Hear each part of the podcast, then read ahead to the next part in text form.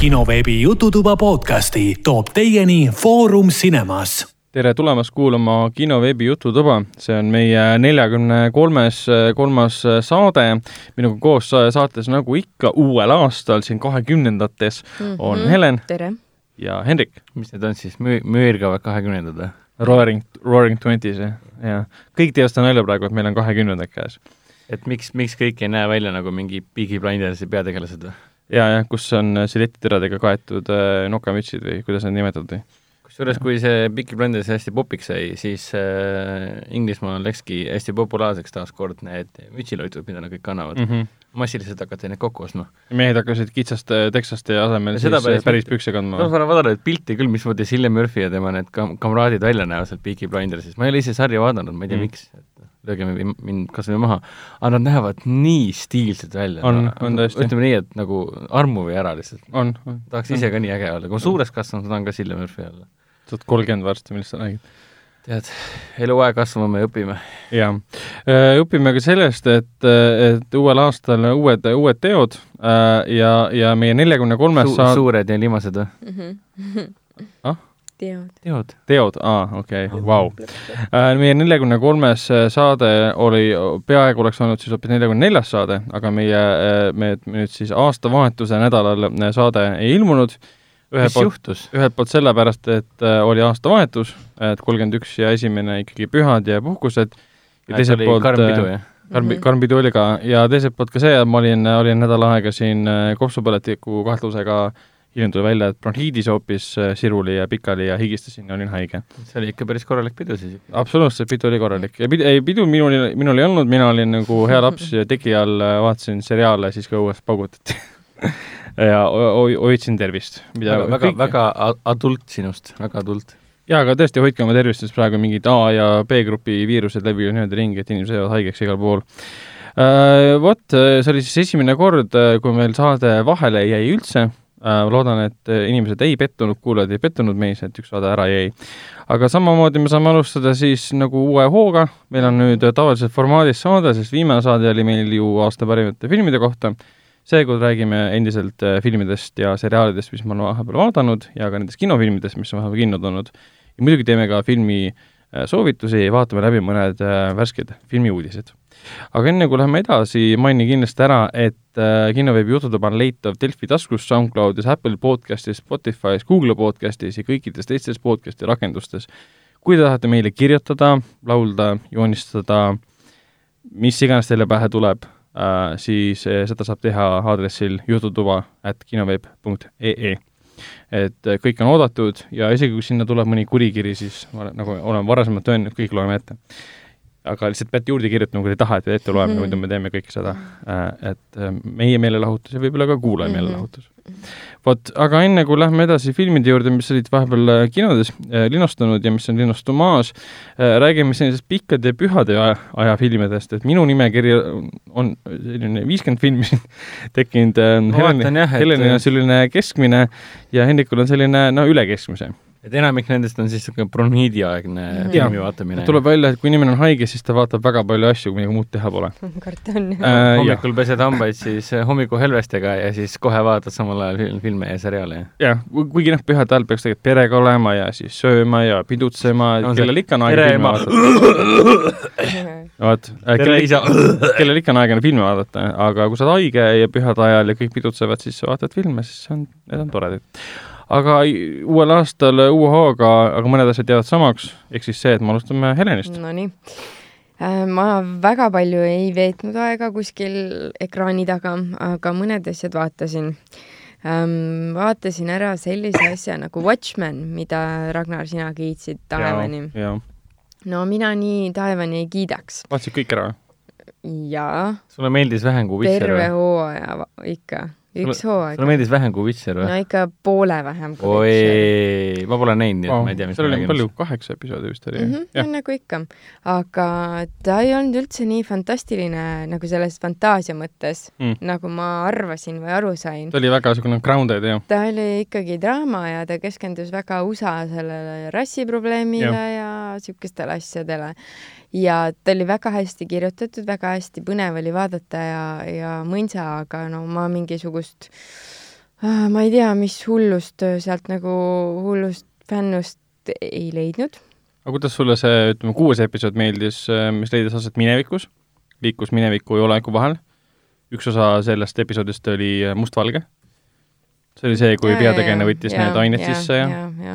minu arust see oli ja. päris huvitavalt lavastatud vähemalt. ei, seda kindlasti, et ta oli hästi tehtud ja see oli tore, et me nägime seda, väga paljud asjad äh, äh muutusid arusaadavamaks tänu mm. sellele, aga noh, jaa, loo jutustamise stiil lihtsalt, et, et ma ei tea, mida ma ootasin aga ma ootasin võib-olla rohkem niisugust superkangelase teemat sealt või, või mingisuguseid ähm, sa ootasid ro rohkem, rohkem Watchmeni võimalik. võib äkki nii öelda?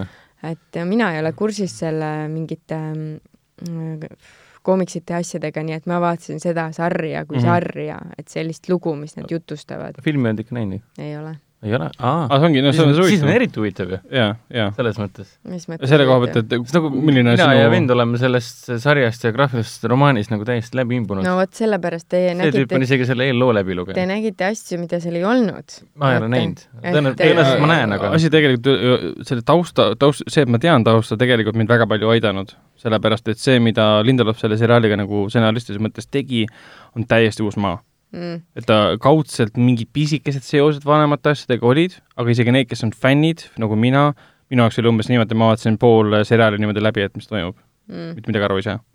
ehk siis ma olin selle koha pealt sinuga samal leheküljel vist, et väga palju oli, ma tundsin, et ma olin nagu, nagu pimeduses, ei saanud täpselt aru. ei no seal tegelikult ei olnud enne lõppu kuigi palju seotud midagi superkangelastega. jah, no tegelikult ei olnudki, jah. aga, aga jah, selles suhtes loo jutustamine oli põnev ja huvitav ja see ikkagi läbi kõigi nende kaheksa episoodi see kuskile oli jõudmas, kuni ta jõudis sinna mm.. nii et äh, selles suhtes oli päris, äh, päris tore aga.... kuidas sulle, kuidas sulle see doktor Manhattani tegelaskuju meeldis? Täiesti random nagu. ma, ma ei tundnud mitte midagi tema suhtes või mul ei olnud nagu no mingeid ootusi ega okei okay,, miks sa Manhattana ei ole, oled, miks sa mingi Island ei ole või mis oota, aga siit tulevadki jah mängu need, kui sa oled koomiksit lugenud ja filmi näinud, siis sa juba tead, kes Manhattan on ja mis on tema see traagiline minevik, sest yeah. kuna seriaal seda tegelikult üldse ei lahanud yeah jah, nii et sulle... selles suhtes ma olin täiesti pimeduses ja ma võtsin seda nii, nagu ma nägin, punkt. ma ei guugeldanud ka midagi, ma ei viitsinud. ei, tegelikult ei olegi vaja, see veits juba rikub seda, kuna sa omandad uut infot seriaali mm. kõrvalt. mis on veider, et HBO ei usaldanud äh, seriaali niivõrd palju, et nad panid äh, kodulehele nii. üles lisainfo ah,, okay, mida okay. pead lugema, et aru saada mm., mis seriaalis toimub ja sest nad kartsid, et selle seriaali nagu narratiivne stiil ei lähe peale kõikidele mm. ja oligi tegelikult paljudele ei läinudki peale aga kuidas sulle see Jeremy Ironsi karakter meeldis? Jeremy Irons. aa, Ozymandias. jaa, kes Ozymandias mängib. ütle täpsemalt, ma ei mäleta. vaata, ta oli seal mõisas kinni. aa, aa jaa, see. no ma alguses mõtlesin, et ta on mingi villane, onju, mingi hull pahalane, siis pärast nagu ei olnud, siis mis asja, onju. ta tegelikult oli, vaata, me saime teada, mis ta tegi mm. -hmm. aga samas, kus ta kinni oli? jah, jah, see oli ka väga huvitav vaata Hendrik vaatab niisuguse näoga, et me spoilerdame talle asju. ei, see, see tunnen ennast praegu nagu Charlie Day sealt uh, It's Always Sunny in Philadelphia, kui ta paneb seda seina kokku oma kluude ja juhtlõngadega mm,. Mm. aga no ma ei räägi sellest ka rohkem, ega seal midagi hullu rääkida ei ole, et ähm, ühesõnaga, sa ei olnud nii vaimustuses? ei, kindlasti mitte äh,. Heleni poolt siis pöial maha no, pigem siia neutraalsesse asendisse kuskile. peaaegu no,.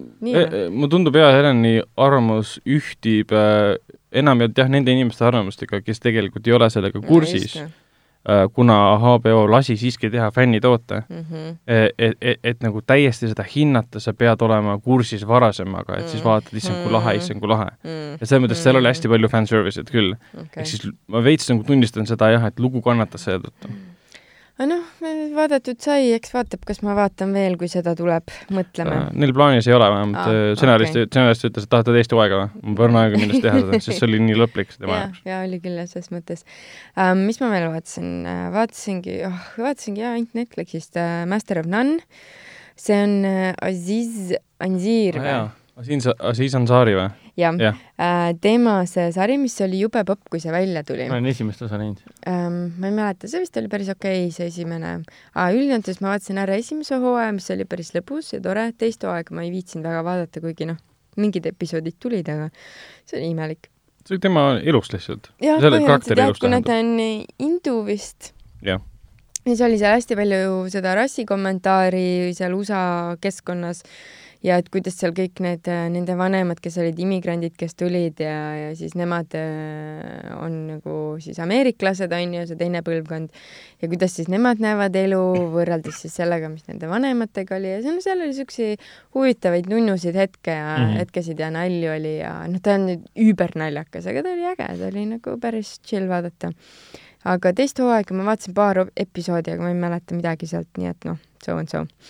Siis äh, Ricky and Mortit vaatasin. kas sa vaatasid seda uut hooaega nüüd seal Netflixis või Jah. vaatasid kõik ära, mis vahepeal ei, ilmunud on? ei, ei, ei, ei, ei, ainult uut. okei okay., kuidas sulle tundus? ma ei mäleta. seal oli see, see draakoni episood oli. aa, siis me saame kõik koos sellest rääkida Vetsu ju, sest ma olen sama asja vaadanud, kõik. aga Vetsu episood on jumala hea ju. kogu episoodi aja Rick vihkas seda tüüpi, kes kasutas tema WC-potti, tema happy place'is. ja lõpus oli see, kus see tüüp tema elust ära kadus, ta oli nii kurb tegelikult, et ta on jälle üksi. mida Rick tegelikult tahab, et tal oleks keegi, mm.. aga ta ei oska seda väljendada mitte jaa, see oli kuidagi. nii südantlõhestav, kui ta läks, et ma ei tea, tõi talle mingit nänni sinna veel ja puha ja siis mingi aa jaa, ei ta äh, sai lihtsalt surma kogemata. jah, siis istub seal potil ja siis need hologrammid mõnitavad teda. väga, mulle, mulle ka meeldis, et aga see Mao episood, ja Morty. ma vaatasin seda Mao episoodi mitu korda uuesti lihtsalt, sest nii palju asju toimus seal. ma ei mäleta. mis Mao? kuna episoodi alguses on kosmoses äh, nii-öelda kumm katki, madu. madu tuleb ja jaa. hammustab teda ja siis äh, Mortil Mhm. hakkab kurb ja korjab maalt mm, Mhm. -hmm. planeet maalt siis Mao, viib selle siis madude planeedile tagasi, kelle siis nii-öelda areng hüppeliselt kasvab mm. -hmm. põhimõtteliselt ja nad muutuvad nagu kübermadudeks, terminaatormadudeks mm, Mhm. -hmm. hakkavad ajas rändama. täielik Terminaatori See kõik, kõige segu ja siis, nii-öelda. kui Hitler, madu tuli sinna ka ja tõstavad oma sabad üles niimoodi, vaatad, issand jumal. ja kogu see Hitleri natsismi teema, nii hea. esimese hooaja esimene episood, Rick saab surma. väike spoiler esimese hooaja. ja, tähendab uue hooaja esimene episood, Rick saab surma. ja siis see hologramm Rick tuleb, ütleb, näe, Mortile, et võta sealt see analüüs ja Jaa. tee minuskoopia. järgmine. ta ei tee seda. Ja siis põhimõtteliselt, kuna ta laseb siis Rickil surra, siis Ricki erinevad versioonid mm. -hmm. paralleeluniversumist sünnivad uuesti, aga enamus paralleeluniversumid miskipärast fašistlikud riigid. Mingi ärkas üles, tuleb mingi madu juurde, mingi pistu fašist, siis see Rick mingi KTM-i tapab ära ennast põhimõtteliselt, iga kord esimesed kaks. korda oli umbes selline, et äh, ta nagu ei aimanud, et seda juhtuda võib ja siis kolmas-neljas kord mingi How, äh, how, okei, how is this a thing nagu? lõpuks ta vist lasi iseennast maha, et okay, mul on niikuinii fail safe olemas, ma ärkan uuesti üles, et jah, jah. ja viimane oli vist mingi kriket või mis kuradi elukas seal oli. jaa, see oli mingi, see oli see, noh, rohutirts vist midagi kas. oli see ei, mesilane või herilane midagi laadset. jah, ja siis ta küsiski seal, et hakkas kohe rääkima saksa keeles, et noh, oled sa fašist või siis see, see, see nende Riki versioon sellest, sellest, sellest mesilasest vaatas mingi, mis kurat sul viga on? mis asja, miks sa niisugust asja küsid mu käest? aga ta ongi niisugune seriaal, mida peab äh, iga episoodi uuesti vaatama ta on jah väga-väga tihe, et ma ei jõu- jõudnud ka kogu aeg äh, jälgida, mul jäi meelde sealt see üks Netflixi episood, kus mingi oli see, et aa, et äh, see äh, Morty teeb selle mm, mingi stsenaariumi, mida ta siis Aa, jaa, jaa, ri- jaa. sinna Netflixile pakkuma ja siis mingi, ah jaa, kõigil on mingi deal Netflixiga onju. jah ja siis äh,, siis ta läheb sinna ja siis äh, tüüp mingi rämedalt ju saboteerib teda, et siis kukub, kukub läbi oma selle pitch'iga seal siis mingi no see oli see heisti, heisti osa aga tegelikult ei nii-öelda. kukkunud Aa. pitch'iga läbi, lihtsalt Rick ja äh, näitas talle maailma, kui igav ja jama see on tegelikult. ja, ja, ja siis ta ei viitsinud enam. jah, rikkus tema selle süütuse selle koha pealt ära, et ta arvas, et see lugu on äge. Ta võttis talt tahtejõu ära ja manipuleeris teda veel. aga mulle meeldis see, et nad tegid Netflixi selle koha pealt maha, et iga suvaline väike laps ütleb, et jaa, having a Netflix deal is a very achievable goal mingi. jaa, vanasti oli see nagu, pidi vaeva nägema, nüüd on see, et sul lihtsalt stsenaarium on pluss see kolmas episood üldse, mis võttis, võttis ette põhimõtteliselt Ocean's Eleven stiilis nagu heist Aa, jaa, movie'd ja mhm, heitis mhm. väga kõvasti nalja selle üle. iga teine asi oli heist, heist, heist, nagu täielik Inception kohati, täielik kohutav lihtsalt. siis äh, nii, jah, jah, ei mul rohkem pole midagi selle kohta öelda, et äh, üks asi siis veel ähm, oli selline sari nagu Kriminal, see peaks ka suhteliselt värske Aa, äh, Netflixi sari olema. Ja minu arust ma kunagi lugesin selle kohta, et äh, ongi tehtud niimoodi, et peaks Jaa. olema UK mm, Hispaania, Prantsusmaa, kes seal veel, Saksamaa on ka jah.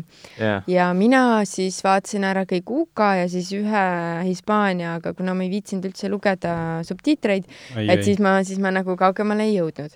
aga ta on väga huvitavalt tehtud, ma ei tea, kas see üks episood on, ei ole isegi tund aega vist ja on ju. kolmveerand tundi Mm -hmm. ja kõik Et- on vist kolm jah? ja, ja põhimõtteliselt siis on niimoodi, et kõik tegevus toimub ühes ülekuulamisruumis Mhm. ja reaalselt nad räägivadki kogu aeg, et on siis see politsei pool ja siis on see kriminaali pool ja siis, siis nad seal bounce ivad nii kaua ja siis äh, manipuleerivad ja möllavad siis, kuni kas siis äh, tunnistab ülesse või et ei, mina ei teinud, ma ei räägi midagi, onju, no comment, no comment, no comment. mingi suur pööre on ka seal või? Äh, no pööre ongi see, et kuidas nad äh, siis äh, politsei siis need kriminaalid rääkima saab või Ahah. et kas siis nad räägivad ennast sisse või tunnistavad ülesse või et ta on nagu sihuke üli slow burn ja ongi reaalselt, ta ei ole CSI, et ta ongi reaalselt niisugune rääkimise sari ja nad nelikümmend viis minutit see räägivad. on siis Äge, äge, äge, äge. okei, väga hea.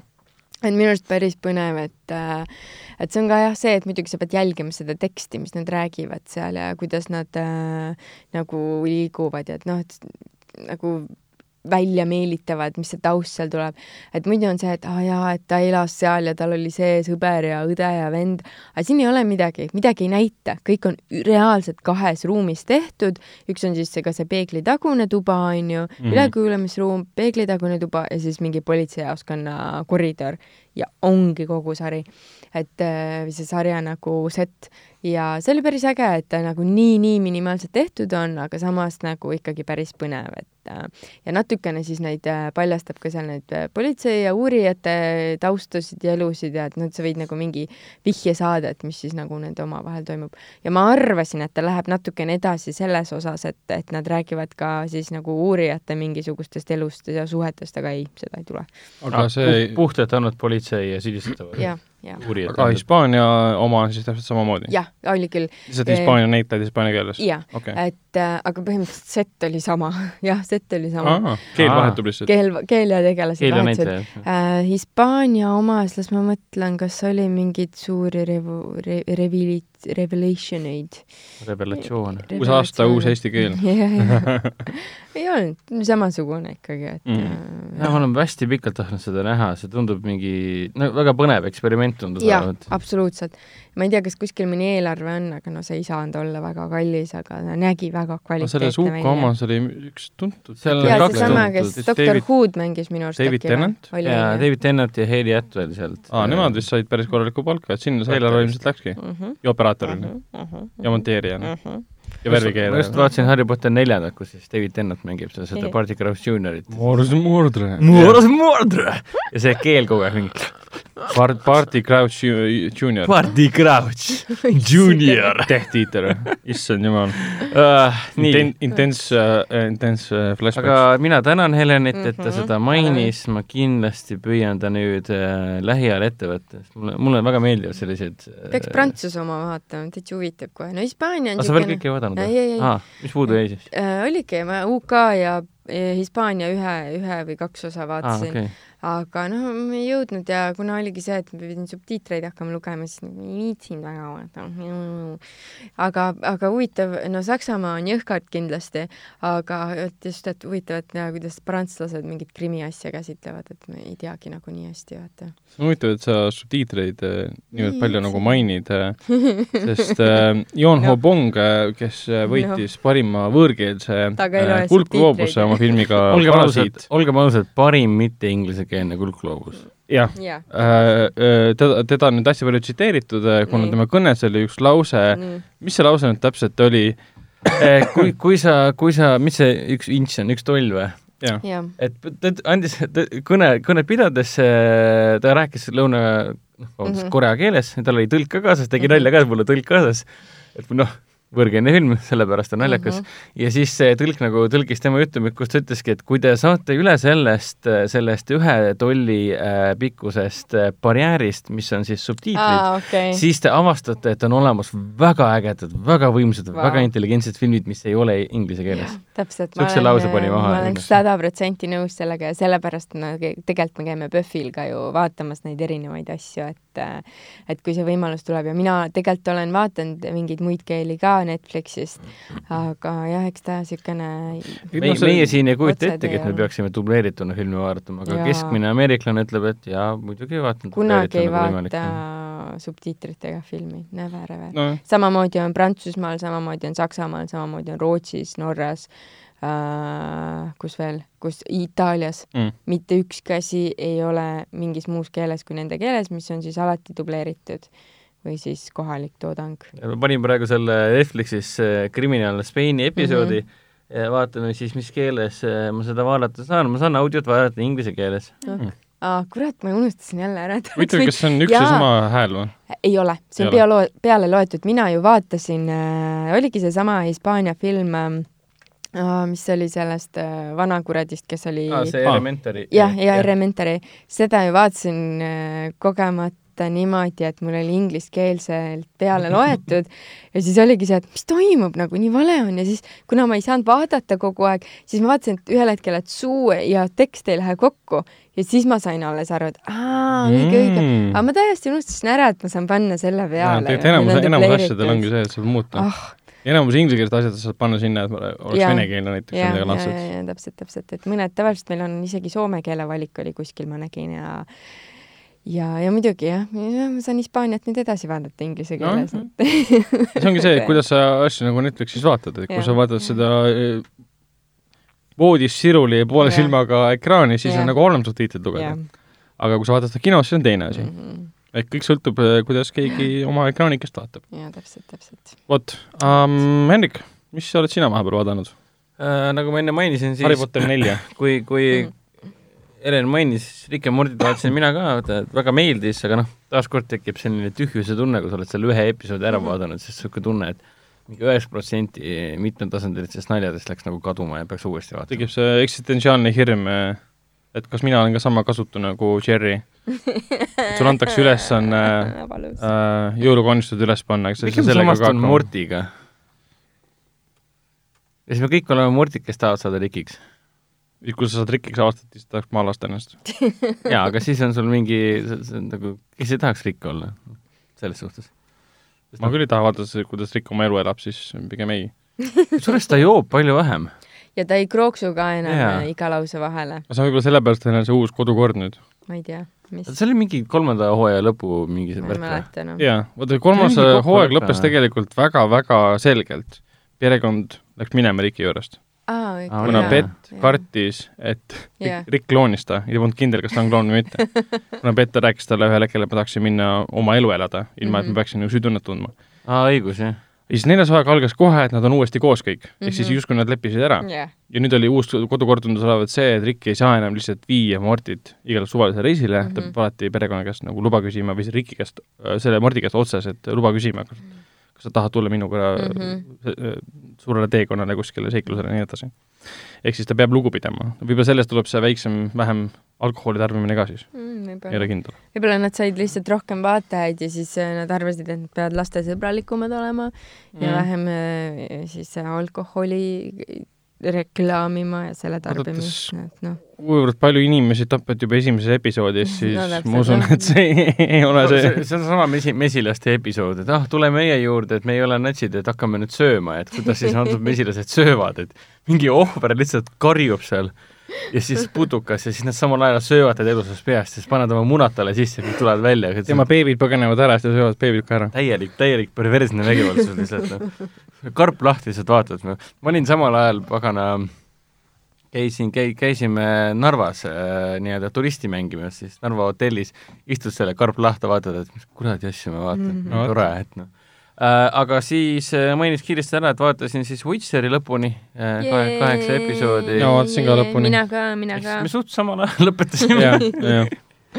We came to get, okei. suht samal ajal lõpetasime, saan aru, et kõigile meeldis tegelikult. mulle väga meeldis, mulle tõsiselt mulle kasvas ka külge, kuigi esimesed kaks episoodi ma olin suht veits ettevaatlik. Mulle nagu väga külge kohe ei hakanud, aga kolmandast episoodist läks äh, minu jaoks, hakkas elama nagu täielikult jumala ägedat oma iseseisvat elu. ei, minu arust ka jumala hea on. ma ei saa Ja- üldse aru mi- nendest inimestest, kes seda maha teevad. ei no mulle meeldivad nii väga need mulle hullult meeldib see, et nad otsustasid teha selle, kuidas nagu mängida äh, vaataja äh, äh, tunnetusega või siis tunnetega. ehk siis paneme need ajaliinid sassi nii-öelda mm. No see oli äge jah, see oli äge -hmm. tegelikult. kuskil kolmandas episoodis mingi, oota, mida? ja oot, mis nüüd on juhtus? surnud ju! kus te olete nüüd omadega? mida onju? aga samas, kuninganna Galante tuleb mingi kolmandas episoodis mingi, oota, mida? aga see on see hetk, kus igaüks saab aru, aa, Grante on siin elus sellepärast, et aga see on, see on See on minevik. mulle, mulle meeldib selline, selline mix-up ja mulle meeldib, selles mõttes, et ta nagu paneb vaataja nagu, nagu närvid või mõistuse analüüsivõime Mhm. tööle mingi aa, ja siis hakkad Mm. automaatselt samal ajal, see muidugi rikub selle tseeni sinu jaoks ära, sa pead pausile panema või siis tagasi kerima, sest samal ajal hakkad mõtlema. pluss ta annab mõista, kui vana on tegelikult nagu Geralt. Geralt on väga vana tegelikult. no olgem ausad, tegelikult ega ei saa aru ikka, et ei, ei saagi täpselt see, jah. et, Ta et teie siin- teate seda, mina ei tea seda. minu, minu jaoks oli see, et okei okay,, mingi mees on, kes on käinud siin ja seal ja tal on mõned armid ja ilmselgelt on ta lahingutes olnud Mm. aga ma ei tea, kui vana ta on ja ma ei guugeldanud ka, mitu tuhat aastat ta vana on No ei, ühes ta- episoodis üks tegel- tegelane vist nagu mainis tema No. vanust või? Jennifer äkki vanu, mainis tema vanust? keegi, üks tegelane mainis talle ja me olime, et ta oli tema isaga kuskil lahingus või midagi laadset. oi, ma ei aa, kes see oli?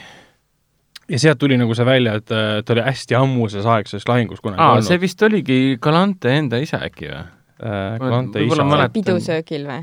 lossis? kui ta, kui ta jah, läks Jask- Jaskeri okay, okei, selle kaaslasena sinna mm Mhm. -hmm. ja siis Galante Mm. mm. nagu mainis, et eh, kuidas ta tundis teda sellepärast, et noh, ta võitles minu isaga sealsamas äh, kunagises lahingus. jah, eks ta on mingi sada aastat vana äkki praegu. üle, midagi taolist jah. aga see on, noh, miks mulle meeldis see narratiivne esitus oli puhtalt sellepärast ka, et et siis me näeme, et nagu see Yennefer on tegutsenud, tegutseb selle kaheksa episoodi jooksul mingi kahekümne viie aasta jooksul jaa, võib-olla aga. see nägi välja nagu paar aastat või noh, see Tõsi, nagu ei olnud see- niimoodi jah. välja mängitud, et ta on mingi sitaks vana nüüd vahepeal. no ei pidanudki, sest ta on ju nõid, ehk siis ta jääbki igavesti ei, nooreks. ma ei mõtle välimuse järgi, ma just mõtlen, et tema nii-öelda elukogemuse järgi, et jah, jah, vaata, et seal See- ma olen- ma olen- selles ma olen sellega nõus selles mõttes. ma, mul selle kaarikustseenis ma reaalselt panin pausile, kui ta ütles äh, kolm aastakümnet. jah, ma ütlesin, et oota, mida? millal? Ja siis, ja see tseen, mis sellele järgnes, kuidas, kuidas äh, salamurdusikas oli siis järgi tulnud, kuidas nad põgenesid, väga äge tseen, absoluutselt. see kõik see põgenemine ja millega see kõik lõppes. aga see samas tekitas minus umbes niisuguse tunde, oota, mida, päriselt? sa oled kolmkümmend aastat tegutsenud ja siis sa käitud niimoodi, nagu Jah. sa oleksid alles, alles alustanud aga point oligi selles, et oli kolmkümmend aastat, mida ta rõhutas hiljem ka, kolmkümmend aastat Aa. olnud ainult äh, kuningate õukondades et tal äh, oli mega igav. peitnud seal äh, salaarmukesi ta tahtis olla kõikvõimas äh, ehk siis nõi-, ta, ehk nõid, siis ta polnud nõid. otseselt maagaga tegelenud. jah, ta taht- tahtis olla kõik- kõikvõimas nõid, aga siis äh, tema enda nii-öelda ülemused käsivad lihtsalt olla mingi õuguna daam see oli kõik tema enda süü. jah, ehk siis mõnes mõttes Jenniferi süü oli kõik see, mis seriaali lõpus toimub, jah, lahingu mõttes. et kui tema oleks teinud, võtnud selle otsuse, võtnud selle valiku, mis talle anti, sellega leppinud, mitte hakanud selle vastu võitlema, siis võib-olla poleks juhtunud neid sündmusi. ehk siis see ongi see saatus, see ongi see või, või, ettemääratus. või siis oleks tema muutunud samasuguseks. tõsi, jaa, võib-olla tõesti. aga noh, selles mõttes, enne kui liiga keeruliseks lähme, siis äh, vinge seriaal, mulle meeldib, mulle meeldib see, et ta on kuidagi robustne, niisugune kohmakas kohati. et, et ta ei ole nagu hullult nagu välja joonistatud, nagu vaataks mingit sõnumit lisandatud või ja droonide et mängu. ei ole mingi ülipikad arutelud ja Jaa. ma ei tea, maastiku näitamised. pluss ta ei ole nagu droonide mängulikult poliitiline ja, ja noh, on poliitiline, aga On. ta tegeleb ainult selle maailma no poliitikaga. ka, sest droonide mängu vaadates on kogu aeg niisugune tunne mingi I get it, see on tänapäeva representatsioon, et aga siin tekib niisugune tunne, et mingi maailm on hästi kole ja kõle ja vastik ja vägivaldne ja surmapaik. see on ka vastik äh, maailm täis rassismi muidugi. vägistamist, sotsiaalseid äh, heaolusid ja halbu asju, see on täpselt nagu meie maailm, ainult et siin on koletised ja fantaasia ja maagia. ja maagia on päris. jah, on päris. Magic is real. ja see mulle meeldis, just see, et ei olnud nagu liiga palju seda, et me võlume ja posime ja teeme siin, ma ei tea, imetrikke onju. ei, natuke seda, natuke seda, siis oli seal mingi action'it natukene. ainuke asi, mis ma vist netis panin tähele, see, et on mõttetud mõõgafvõitlused või mingi see, et mingi Gerald seal keerutab ja siis mingi ja siis Aa, on- alles on- lööb see on- onju. et noh, see see- nagu makes no sense lihtsalt, et see käib, see käib tema juurde. aga kõik võitlused olid ju väga vajalikud. olid ja olid väga kenasti. sa mõtled seda, et mismoodi ta koree-, jaa, võitleb? et see koreograafia Aa, on vale nagu. ei olnud tegelikult. ei, päris, päriselt on nagu selles mõttes vale, sa ei keera selga kuskile, kui sa lähed teda videot. mõõka Jaa. nagu kõhtu üks tüüp lööma. kirjeldas, et ma vaatasin ka seda videot, vist, vist on ma sama, arvan, et kus ta kirjeldas, et see, see, see hetk, kui muidu ta ki- kiitis, kõik on hästi et kui sa möödud vaenlasest ja samal ajal pöörad talle selja, siis ta ei saa sind rünnata, aga aga ta näitas ühte kaadrit, kus siis keerad ongi seljaga vaenlase poole ja vaenlane samal ajal tema selja poole no, mõõgaga. Ja siis selle peale ta kommenteeris mingi, mida? You don't do that, nojah, boy. nojah. et noh, aga noh, see käib filmimaagia juurde, et noh, et see ongi niisugune, et visuaalselt oleks nii äge, vaata, ta Nojah. teeb ümber aga enda tegelikult on see, et see ongi äh, nõidurite võitlusstiil, selline Mm. tantsulik võitlusstiil okay., et nad teevadki piruette hästi no palju. Sapkovski, Andrei Sapkovski raamatutes on ka hästi pikad kirjeldused sellest, kuidas neid nõidurid välja õpetatakse mm.. ja teevadki nagu piruette ja pooltantsuliigutusi, ehk siis suruvad kogu oma keha raskuse selle piruetiga oma kätte ja õlga kuskile, et siis selle, et siis see mõõga tugevus oleks nii tugev, et ühe hoobiga teha inimene pooleks.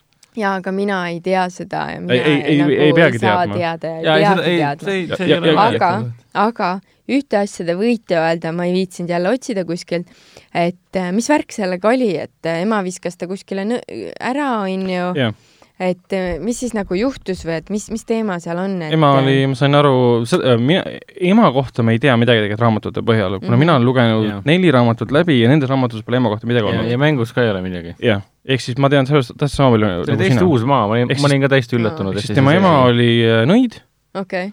kes andis oma lapse ära mingil põhjusel mm. -hmm. äh, Kaer Morhenile, Vesermeerile. Kaer Morhenisse siis äh, välja õpetama Vesemeri kätte Mm -hmm. Ja seal ta siis äh, kujundati ümber. kus ta oli, kui ta oli pisike veel. ja eks siis, miks ta nägi oma siis nägemuses nii-öelda ema noorena mm. -hmm. on ka sellepärast, et ta on nõid. mm. ja no ega ta Mis- ei mäleta, ta ei teagi, milline ema oleks, kui ta vanem Täpselt. oleks, onju. mis tekitas väga palju küsimusi. äkki oli päriselt? kui tema ema on nõid nii. ja nõied lapsi ei saa, kuidas ta saab olla keeralt tema töö, poeg? ehk siis üks nõid leidis viisi, kuidas murda see needus, mida nõiad äh, enda peale võtavad. oota, aga kas see, mis Jenniferiga toimus, ei olnud mitte ainult sellepärast, et ta tahtis see oli tema valik oma... see oli tema valik ja ta ei, ei oleks,, aga see, mis Jenniferiga toimus, ei ole ju asi, mis toimub see on kõigiga. universaalne jah. ei, ei see kehtib. kõik, kõik nõiatarid, kes teevad oma välimuse ümber, no seda küll jah aga see ei tähenda, et kõik ei tea ju, kõik ei olnud ei see ei koledad. tähenda, et Täpselt. Geralt emana ennast muutnud. me ei tea seda. võib-olla ta oli, vaata. Oli ka aga siis sa, siis sa ei saa väita, siis sa ei saa väita siis siis ei saa teilt küsida, et kuidas ta sai lapse, kui ta on kui ta on nõid. siis ei puutu asjasse see oleks otseselt. päris hea point, kui nagu ta Jah. tegi sama asja, mida Jennifer, aga ta suutis asi, seda jaa, aga ta suutis seal, leidis selle draakoni muna või mis iganes, vaata onju. see muudaks asja veelgi huvitavamaks, mõttes, et äh, missugune laps sul siis sünnib tegelikult, kui sa Ahah,, jaa, kui sa oled korraks ennast nii-öelda sealt seestpoolt nii-öelda hävitanud, nagu Jah. Jennifer tegi, ja selle siis taastanud maagilisel viisil Mm. mm.. mis see maagia Jaa, on, kuidas taastasid selle, mis see, mis see hind on, mis see Jah. sulle tegi, kas see hind oligi see, et sa pidid oma lapse Mhm. nõiduritele noh, andma? kuigi Ah, ta kuigi ta võis olla ka tavaline nõid selle koha pealt. Jah. sest nõid, nõidurid ju keemiliselt äh, kastreeritakse, nõidurid äh,, nõid, nad on kõik kastreeritud. jah, selles mõttes küll jah, jah. Eh, nagu Gerald või? Ei Jah., tõuseb, aga ei saa, vaata laps, laps ei saa jah, ma tean, mis see tähendab. see on see vasektoomia või?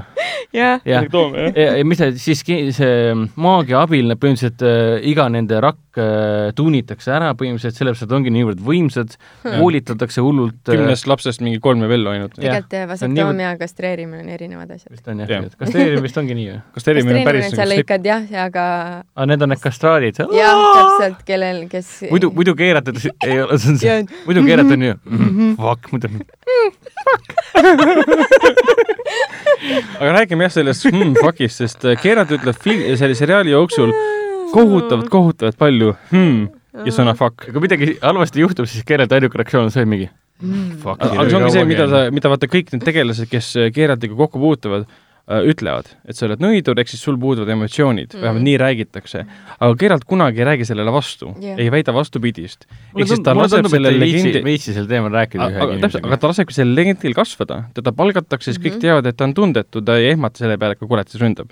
aga tegelikult meie Mhm. tegelasena, selle vaatajana näeme tegelikult, et tal on kuhjaga ta saab tundeid. ikka aru küll nendest asjadest. noh. mis on õige, mis on hea pluss, tal peabki olema tunda, et kui meile anti hoo- hooaja jooksul anti mitu korda mõista ka, et äh, nõidurid on väljasurev liik. mm. ja Tõsi. siis tema on üks põhilistest, kes ikka veel töötab. -hmm. töökorras. pluss ta saab väga hästi aru Töökorras., mis, mulle meeldib mõni see, asi on töökorras, mõni asi ei ole. Ahaa. mulle, mulle ju nõidurite puhul väga meeldib see, et neil on endal see moraalne kompass olemas, nad ise Mhm. otsustavad, mis on õige ja vale. Nad ei pea raha vastu võtma, et ja see ongi raamatutes ja mängudes ja siis nüüd sarjas ka põhiteema, et äh, see on see, et mine tapa oma koll ära, siis nõidur läheb uurima, vaata, aga sa läksid selle kolli pessa, tapsid ta äh, emase looma ära ja tapsid, võtsid ta äh, munad või lapsed kaasa ja tegid nad endale hommikusöögiks ja nüüd sa oled ehma-, ehmunud ja kuri, et ta tuli kätte maksma sulle Jah.. sina oled see koletis, fuck you noh, nagu see esimese episoodi see Renfri. ja mulle nii meeldis see, kuidas nagu keerad vastas sellele, et äh, kurjus on kurjus, et mm. -hmm. väiksem kurjus ja suurem kurjus, et mina mm. -hmm. ma, ma ei hakka valimagi.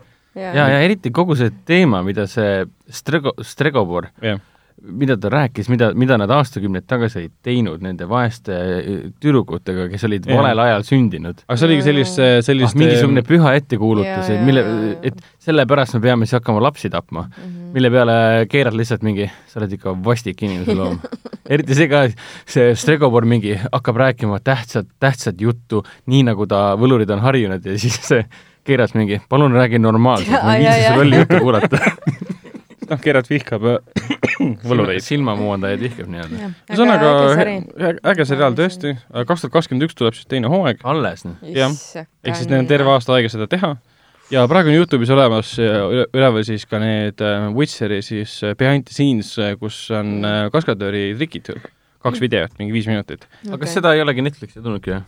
mida?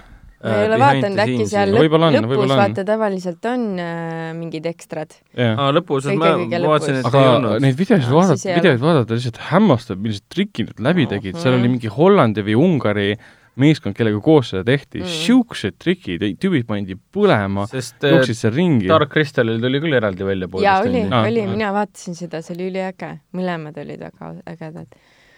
okei, okei, okei. ühesõnaga jah, vaadake Witcherit, see on äge, Henry Cavill on väga äge ja kui tundub, et äh, midagi esimese kahe episoodi põhjal aru ei saa, siis vaadake kolmanda episoodi nii vähemalt, siis saate enam-vähem aru. Ja võib-olla vihjeks veel see, et äh, seriaali looja, see Lauren Schmidt või mis, History Schmidt võttis eeskuju Christopher Nolan'i Dunkirkist Hmm. Äh, selles mõttes äh, Dunkirkis oli ka kolm erinevat lugu erinevatel aegadel Mm. ja siin on põhimõtteliselt samamoodi kolm erinevat lugu erinevatel aegadel. Ja see kõik töötas suurepäraselt, siis kui see lõpus viimane tseen jõudis kätte, siis sa juba teadsid, mida kõik need tegelased on läbi elanud, Mhm. kui palju aega on nende jaoks möödunud, mis on need traagikad, rõõmud, mis on nendega toimunud ja siis nad saavad ühel hetkel kokku. et see oli selline tore. vot, Henrik, mis sa oled veel vaadanud? Äh, ma tahtsin kommenteerida seda, et miks kuninganna Galante, see, see võlurist või druiidist abiline, miks ta nimi oli Mouse-Sack? Mm. Mis teema sellega on?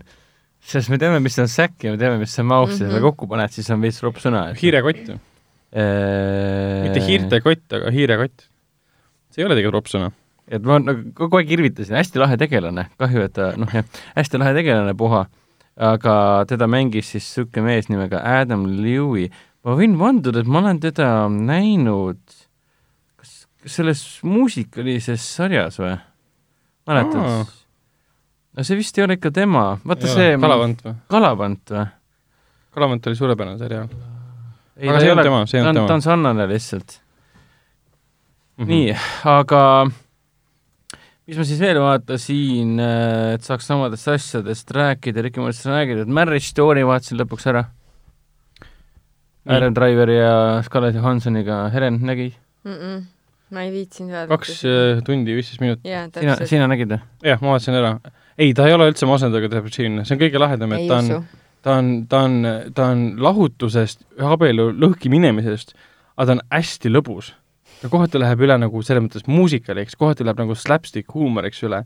ta on nii nagu erinevate draamažanrite segu. jah, ei ta on hästi tõsine draama, kohati ka hästi kurb draama, aga ausalt öeldes ta on niisugusest elus, elulises lõbusas stiilis tehtud, et kord ei tekkinud tunnet, et äh, palun laske mind ja kõiki teisi inimesi maha, et jaa, ja näitamise koha pealt lihtsalt nagu... Adam Driver nagu kui keegi nagu enne kahtes Johansoni ja Adam Driveri võimetes, siis on see, et nagu vau wow.. sama aasta, kui siis see Adam Driver jooksis vist Keilo Renn ringi ja siis Mhm. samal ajal teeb Marriage Story, siis vaatad mingi vau, sa oled aktoor, et noh mm. -hmm. ja Johanson samamoodi. vaatasime seda Marri- Johanson. Johanson, Johanson. kuidas see korralik hääldus on? Äh, mis Ta on ta eesnimi oli, Scarlett või? ta on ju Johansson., mis ta on, taanlane Taanist pärit või? ei olnud Rootsi äkki? või ro-, isa oli vist, ma ei mäleta enam täpselt. Mm -hmm. Äh, hullult nagu, muidu ma olen harjunud teda nägema ainult siin äh,, aa, isa, isa poolt taanlane. Mm. muidu ma olen teda harjunud nägema siin Marvelis ainult ringi jooksmas meeletult ja, ja nüüd tuleb ju see aasta siin kevadel tuleb see Black Widow film ja uh -huh. siin on see, et nagu äh, Meiki on korralikult äh, normaalseks aetud, ta näeb välja nagu inimene, kes saab rahulikult kaamerasse näidelda. eriti need pikad-pikad kaadrid, pikad stseenid ühe kaadriga, kuidas nad lihtsalt räägivad otse kaamerasse äh,. Nad ei vaata küll otse kaamerasse silma, sest nad tegelikult räägivad teise inimesega, aga dialoogitseen lihtsalt muutub monoloogiks, nad vaatavad, noh, kaamera vaatab ainult talle silma mm, -hmm. kuidas ta ennast unustavalt räägib lihtsalt mingi kümme minutit järjest ühe loo ära põhimõtteliselt, kuidas mm -hmm. ta näiteks oma mehega kokku sai. ja ühel hetkel sa avastad, et ma olen siin kümme minutit ära vaadanud juba mingi, et nagu sa pole, isegi ei märka seda, et aeg on nii kiiresti mööda läinud. et väga, väga tore film, ma juba filmi ajal mõtlesin, et jah, mingi aasta pärast vaataks uuesti.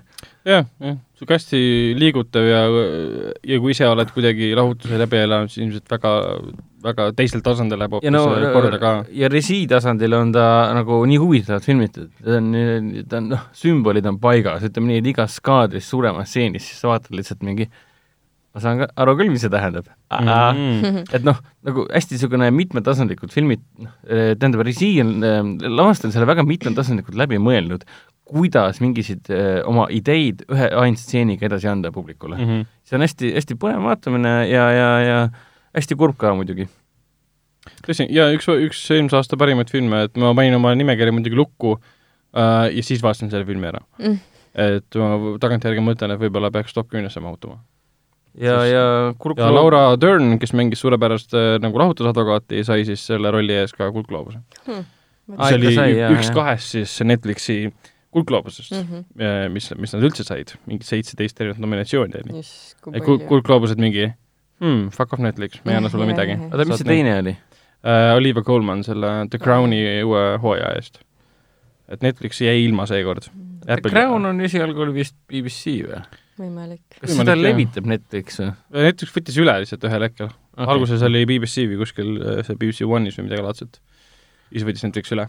aga jah, siis ma vaatasin ära tagantjärgi, vaatame praegu Harry Potteri filme, kuna siin nüüd jõulude paiku hakkas, ma ei mäleta neid telekanalite nimesid, sorry tõesti. TV3, TV6 äkki TV3, äkki TV3, igatahes ETV, Eesti, Rent TV, Eestis levivatest telekanalitest Pro7 Eestis olevatest Eesti telekanalite hulgas siis näidatakse siis Harry Potterit, kõiki kaheksat episoodi, kaheksat jah, viimane oli kaks tükki. Fantastic Beast ka või?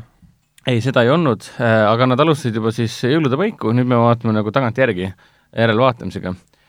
ja olime esimesed viis siis ära vaadanud, okei okay,, viis jäi poolikuks, kuna läks nagu pikali ja uni tekkis silma ja, ja noh mm -hmm., tööpäeviti tahaks ikkagi normaalsel ajal magama, seitse pool tundi vähemalt magada, mitte kuus ja pool aga, aga esimesed kaks on nii tore ikka esimest nelja ma mäletan ikka nii palju, nii hästi, ma olen lihtsalt nii palju näinud, nüüd ma saangi aru, et ma olen viiendat, kuuendat ja, ja, ja, ja viimast, ehk siis kahte viimast no, olen ma nagu võrreldes esimese neljaga niivõrd vähe näinud mm. et oletame, et ma olen esimest nelja näinud vähemalt mingi kümme kuni viisteist korda elu jooksul. ma arvan, et mul umbes sama, jah. siis viimaseid olen ma võib-olla alla viie, midagi sellist seda Deathly Hallows kahte filmi ma olen vist ainult mingi kaks või kolm korda näinud.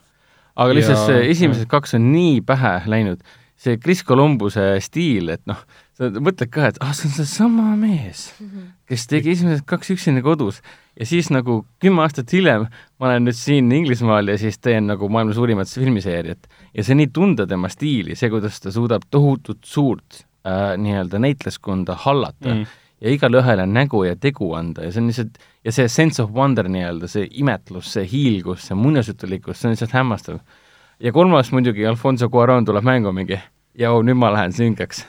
teeme, paneme tumeda filtri peale ja lähme süngetesse teemadesse ja kasvuspurt on ka selline, kõik näitle-, näitlejad ja näitlejannad on järsku mingi vau wow,, Harry, mis juhtus? et Daniel Radcliffe on lihtsalt niimoodi kasvav mühinal, et noh. nojah, tuletame meelde, et Cuaron oli enne seda filmi lavastanud ainult äh, ei, tema eelmine film enne seda oli ja Seksi, sinu ema ka. seksikomöödia. seksikomöödia, seksidraama, kus siis kaks noort meest äh, seksisid ühe vanema naisega, kes lõpus tuli välja, et oli kellegi ema või midagi laadset. ja siis äh, Warner Brothers mingi jah mm., võtame selle tüübi režissööriks. pluss oli see ka, et ta ju äh, kaasmaalase Del Toroga oli ju öelnud Del Torole, et ma ei ole kindel, kas ma ikka peaksin mingit, mingit suurt produktsiooni Hollywoodi asja tegema, jah. sellist suurt Briti ülivõimast äh, tohutu taagaga niivõrd suurt asja tegema ja mille peale Del Toro siis olevatki siis öelnud, ma ei tea, kas see on päris ropendas, aga põhimõtteliselt ütles niimoodi, et mingi palun lõpeta ära ja mine tee see film ära, nagu Mm. nalja teed või jah, täpselt. aga tähendab kohe näha erinevust, et Columbus on väga äge, et luua nagu lapsepõlve muinasjutte. aga kui kolmas peale hakkab ja kolmas lõpuks ära lõpeb, siis see on hoopis teine film. ta on niivõrd sünge, ta on niivõrd tõsine, ta on samal ajal hästi niisugune lõbus. sümboolseid kaadreid täis kaamera liikumine hästi palju selliseid rahulikke momente, et lihtsalt seda kõike seda intensiivsust ka kokku, kokku rahulikult siduda ja ta annab hästi palju õhuruumi. Ja ta nagu, sa näed, et see on üliandekas režissöör põhimõtteliselt ja sa mm., sa näed sealt kõiki neid, sa näed sealt Syndrome of Men'i, sa saad, näed Gravity't isegi kohati seal, et noh, ja muidugi neljas tuli siis Mike Neville, ehk siis, ehk siis Mike Neville ja Columbus, tähendab, Mike Neville ja see Cuaron ongi siis ainsad režissöörid selles seerias, kes ongi see ainult ühe korra lavastanud. sest viiendast tulid juba Äh,, tuli juba David Yates peale. jah, ja, ja neljas jätkab täpselt samasugust stiili, natuke see oli juba korralik suurepärane, see suurepärane oli, vaatasin jah, kaks ja pool tundi ja ta oli nagu hullult actionirikas selles suhtes. see, see Dry Wizard äh, tournament, mis seal oli. kolme võluri, võluri turniir.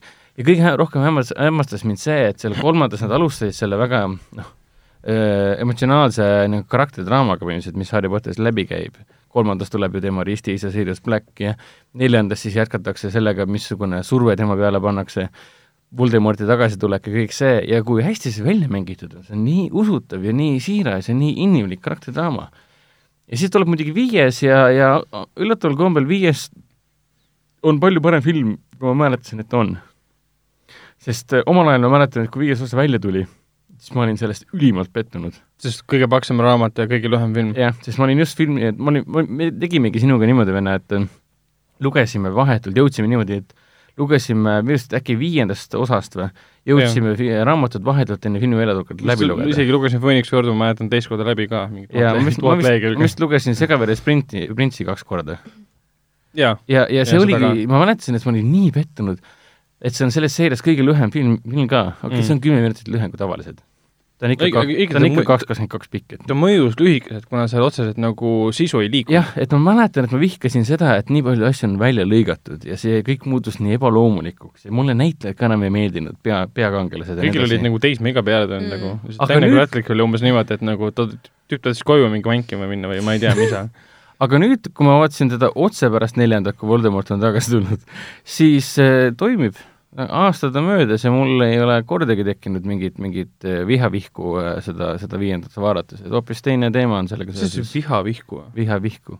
ma ei, ma ei tea, mis see tähendab. Vau. nii. sähvatust nii-öelda, vihasähvatust. vihasähvatus. aga, aga mm, viies nagu toimib, mulle meeldib see, et on, ma lugesin kriitikute arvustusi ka, kes ütlesid selle kohta, et this is, this is the, no andsid mõista, et nüüd on see fantastiline meelelahutus ja lõbu sellest Harry Potteri seeriast täielikult kadunud, kui viies osa välja tuli mm. -hmm. kriitikud ütlesid niimoodi. aga edaspidi ta läkski selliseks ju. ses mõttes, et Voldemort tuleb tagasi, kuule, nagu fašistlik äh,, vabandust, natsistlik sarimõr-, massimõrvar tuleb tagasi, siin ei ole vist põhjust eriti rõõmustamiseks või- on või? ma mõtlen ka, et sa ei saa siin väga lõbusat asja enam teha, et ja viienda see teema, kuidas siis äh, ministeerium teeb, võlukunstiministeerium teeb propagandat, äh, Harry, Harry, Harry Potterile ja Dumbledore'ile, et mingit, mingit äh, Voldemorti pole äh, ellu tagasi naasnud, see on nagu hämmastav, nagu, nagu niisugune mõnus peegel äh, ka See täna tänapäevale, kuidas, kuidas igasuguse propagandaga äh, matet-, maetakse maha äh,, maetakse maha tõde nii-öelda Nojah.. on olemas ainult see tõde, mis me ütleme täpselt, jah. väga, väga põnev selles suhtes, et andestan enamik asjad ära. välja arvatud okay. see, et see filmis ongi reaalselt ainult üks stseen, kus siis äh, äh, vaata, Potter näeb unes, et ta on äh, Nagini ja Nagini ründab siis seda Ron Weasley isa. Jah. ja siis äh, samal õhtul mingi, okei okay,, Dumbledore, enam ei saa oodata, mine nüüd Snape'iga kaasa, ta hakkab sulle oklumentsiat õpetama. Et siis see, eks sa pead ole, suutma olema võimeline ennast kinni panna, sest äh, sellel Voldemortil on võime pähe tulla. sinul pähe tulla, sest sa oled temaga ühenduses tänu selle armile, mis ta sulle jättis äh, surmaõhtul nii-öelda. kuna Harry on tegelikult Voldemorti varikätk, mis Jah. varikätk, Deadly Hallows.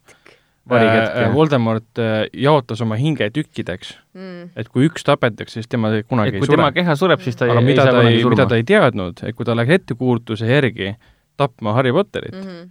Suri tema, aga tükk temast jäi Harry Potterisse. ehk siis, kui ta seitsmendas osas tapab Harry Potteri, siis tegelikult ta tapab selle varikätki mm. või kätku ja siis ta sureb lõpuks ära selle tõttu. jah, ehk siis iroonia on see, et mingi ah oh,, ma olen maailma suurim võlur, nüüd ma kuulen ettekuulutust, et on olemas poiss, kes saab minu vastu tulla. ma olen tapanud ära mingi see ei õnnestunud, ma suren ära, ma tegin kogemata varikätki ja siis tema ongi relv minu vastu mingi ehk siis kui Voldemort poleks kunagi seda, seda ettekuulutust lugenud, kui ta oleks poiss, ta poleks valitseja, oleks ta maailmavalitseja, nii et äh, ära mõtle üle, kallis, kallis inimene. õpetuslapsed, ärge lugege ettekuulutusi ja ärge, ärge lugege Igor Mangi.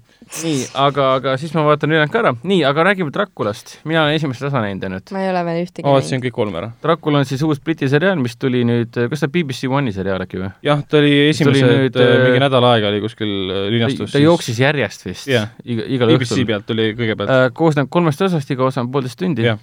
äh, ja on ta siis tehtud äh, Sherlocki loojatelt.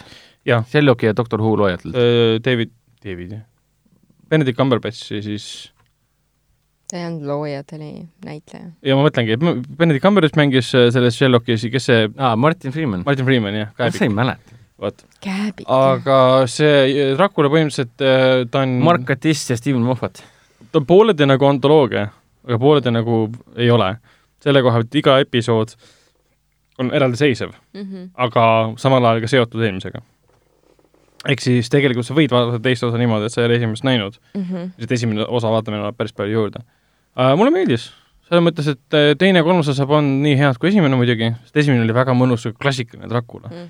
Jonathan Harker läheb sinna äh, advokaat Jonathan Harker läheb siis sinna mm, Transilvaaniasse, sinna lossi, seal hakkab kummalised asjad toimuma, ta ei saa aru, mis toimub tema hinge ja kehaga mm -hmm. ja kõik see mm, -hmm see Miina ja umbes niimoodi ja ühel hetkel tuleb panna Helsingisse ja kõik niisugused asjad. täielik, täielik Francis Ford, Ford Coppola Dracula ja. flashback oli seda esimest osa vaadates. mis mulle kõige rohkem meeldis, oli see, see näitleja, kes mängib seda, ma ei mäleta tema nime. Klaas Pang kes mängis Ruudus, mäletad seda Ruben Oslandi Ruutu yeah.? The Square ah,. Okay. tema mängis seda kuraatorit vist yeah,. Okay. ja ta on nii huvitav, tema tekst on mm -hmm. nii äge, ta on nii sümpaatne, võluv, killer. nii, nii, nihilistlik ja, ja hästi niisugune musta huumorit täis et.... ja ta nagu teadlikult kasutab seda ära, et ta ründab mm. seal ühel hetkel nagu nunnasid, kes kasutavad ri risse tema vastu ja tema on tark ja siis te, üks, üks tegelane on ka tema vastu väga tark, see on, kuidas need äh, mõtted ja ideed omavahel nagu kaklevad nii-öelda mm., sõnade mäng selline kogu aeg. stiili näide on see, et nunnad võtavad ristid kätte ja näitavad siis Dracula poole, et sa ei saa meid rünnata ja Dracula mingi eh, meh, kutsub, kutsub vend, ma ei, rohkem ei ütle, aga ta ütleb meh selle peale, kasutab teisi vahendeid, aga mhm. siis ta mainib juurde, et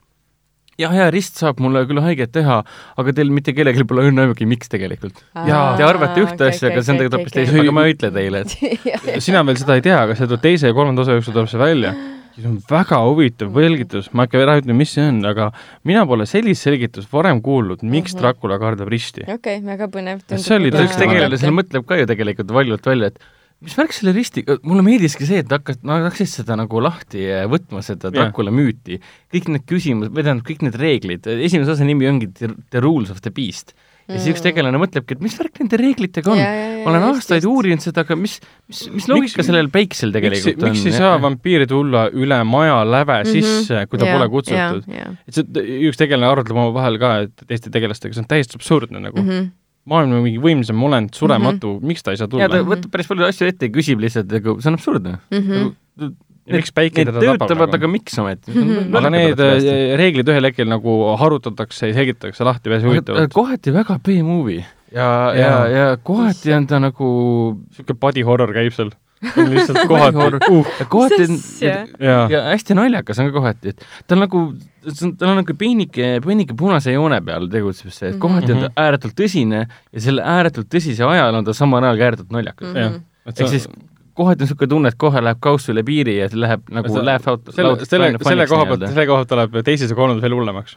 eriti kolmandas. sellepärast mulle see esimene meeldiski, et eriti noh, see, see vaene Jonathan Harker või mm, -hmm.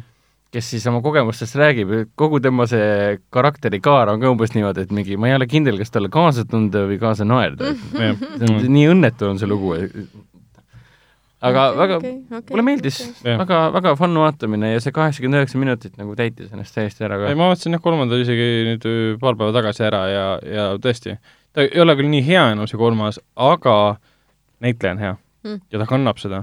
Kõik need äh, narratiivsed probleemid kannab nii mööda, läheb nendest, et see, sa üldse ei pööra nendele tähelepanu.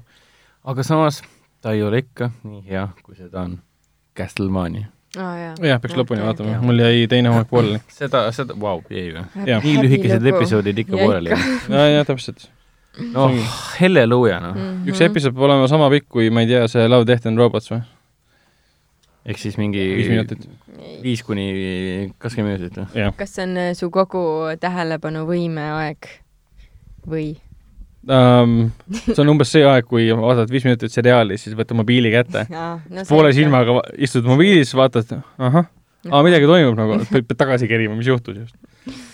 vot, aga mainin, mainin ka kiiresti mõne sõnaga, et ma vaatasin uuesti sellist filmi nagu Enemy of the State, mis on siis Tony Scotti film aastast, mis ta oli üheksakümmend kolm, üheksakümmend neli, Will Smith kus äh. Will Smith, Gene Hackman on siis äh, peaosades ja John Waite mängib ka. see oli omal ajal, ah, issand, kui palju ma seda filmi näinud olen. jaa, see oli omal ajal väga kõvasti nagu ajast ees ka, kuna ta kujutas ette, kuidas äh, siis äh, nii-öelda ajast ees no, ulmeliste vahenditega, et nüüd on see tänapäeval kätte jõudnud, kuidas NSA jälgib maailma mm.. ja suudab jälgida kõiki Jah. absoluutselt igal võimalikul võimalikud viisil. jälgimisvahendid. toona see oli nagu võimatu mm. -hmm. aga nüüd, kui sa vaatad seda, vaatad, vau, kuidas te suutsite ette ennustada absoluutselt kõike.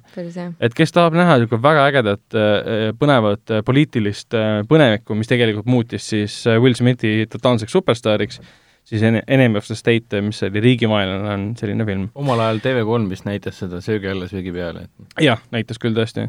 Siis ma vaatasin Netflixis on The Two Popes äh,, kaks Jaa. paavsti äh,, ehk siis, ehk siis Anthony Hopkins ja, ja see Jonathan äh, Price. Price, suurepärane film, ehk siis Keira Knightley tegelase isa äh, Krimmere piraatides, jah. Krimeri piraatide seerias. Äh, soovitan vaadata, see on päris nagu reaalsel elul põhineb äh, ühe paavsti nii-öelda vahetumisest ja, ja äh, kahe paavsti suhtest, üks paavst kutsub siis, kes on praegu võimul, kutsub siis äh, teise nagu külla, tema suurima kriitiku.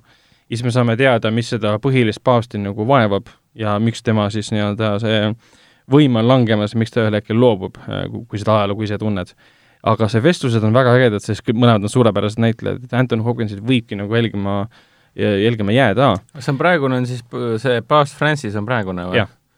Ja Francis on see Jonathan Price, kes siis vahetas välja selle eelmise Benediktuse või mis ta nimi oli. kas see ongi selle väljavahetamise ajal või? jah, jah, umbes sellest räägibki. aga ta on hästi südamlik ja hästi kuidagi ilus, ta ei räägi usust ega religioonist, ta räägib lihtsalt äh, väga realistlikest äh, No. no. asjadest meie elus, millest me tahame tavaliselt järgida, et olla head inimesed. Netflix ütleb, et eh, this movie is cerebral, heartfelt and witty. jaa, seda on ta ka, seda on ta ka. Siis ma vaatasin ära mm, sellise filmi nagu Uncut Gems, mis on siis Jaa. Adam Sandleri film. eelmisel aastal tuli see välja, nimetatakse Adam Sandleri karjääri üheks parimaks filmiks. aa, see film mm.. jah, see on see Sa- Safety Brothers või? Safety vennad, kes tegid Safety. siis selle Robert Pattinsoniga selle noh, paar aastat tagasi tuli see nüüd välja, kus Pattinsoni karakter peab päästma oma venna äh, Good time. Good Time, täpselt. Uncut Gems on see, täpselt selline film, et ta on selline tunne, nagu ta on lavastatud ja kirjutatud käigu pealt Hmm. aga mitte halvas mõttes. ta mõjub umbes jah, umbes nagu niimoodi, et tüübid läksid platsile, kirjutasid samal ajal ja filmisid samal ajal, ehk siis ta on pidev selline tempo, selline pidev selline jooksmine on sees, et kordagi sa ei tunne, et eh, nüüd tuleb mingisugune kunstlik paus, et nüüd tuleb kunstlik mingi dramaatiline paus, et siis me, me vaatame, mis tegelastega toimub, ei ole mingit muusikalist stseeni umbes niimoodi.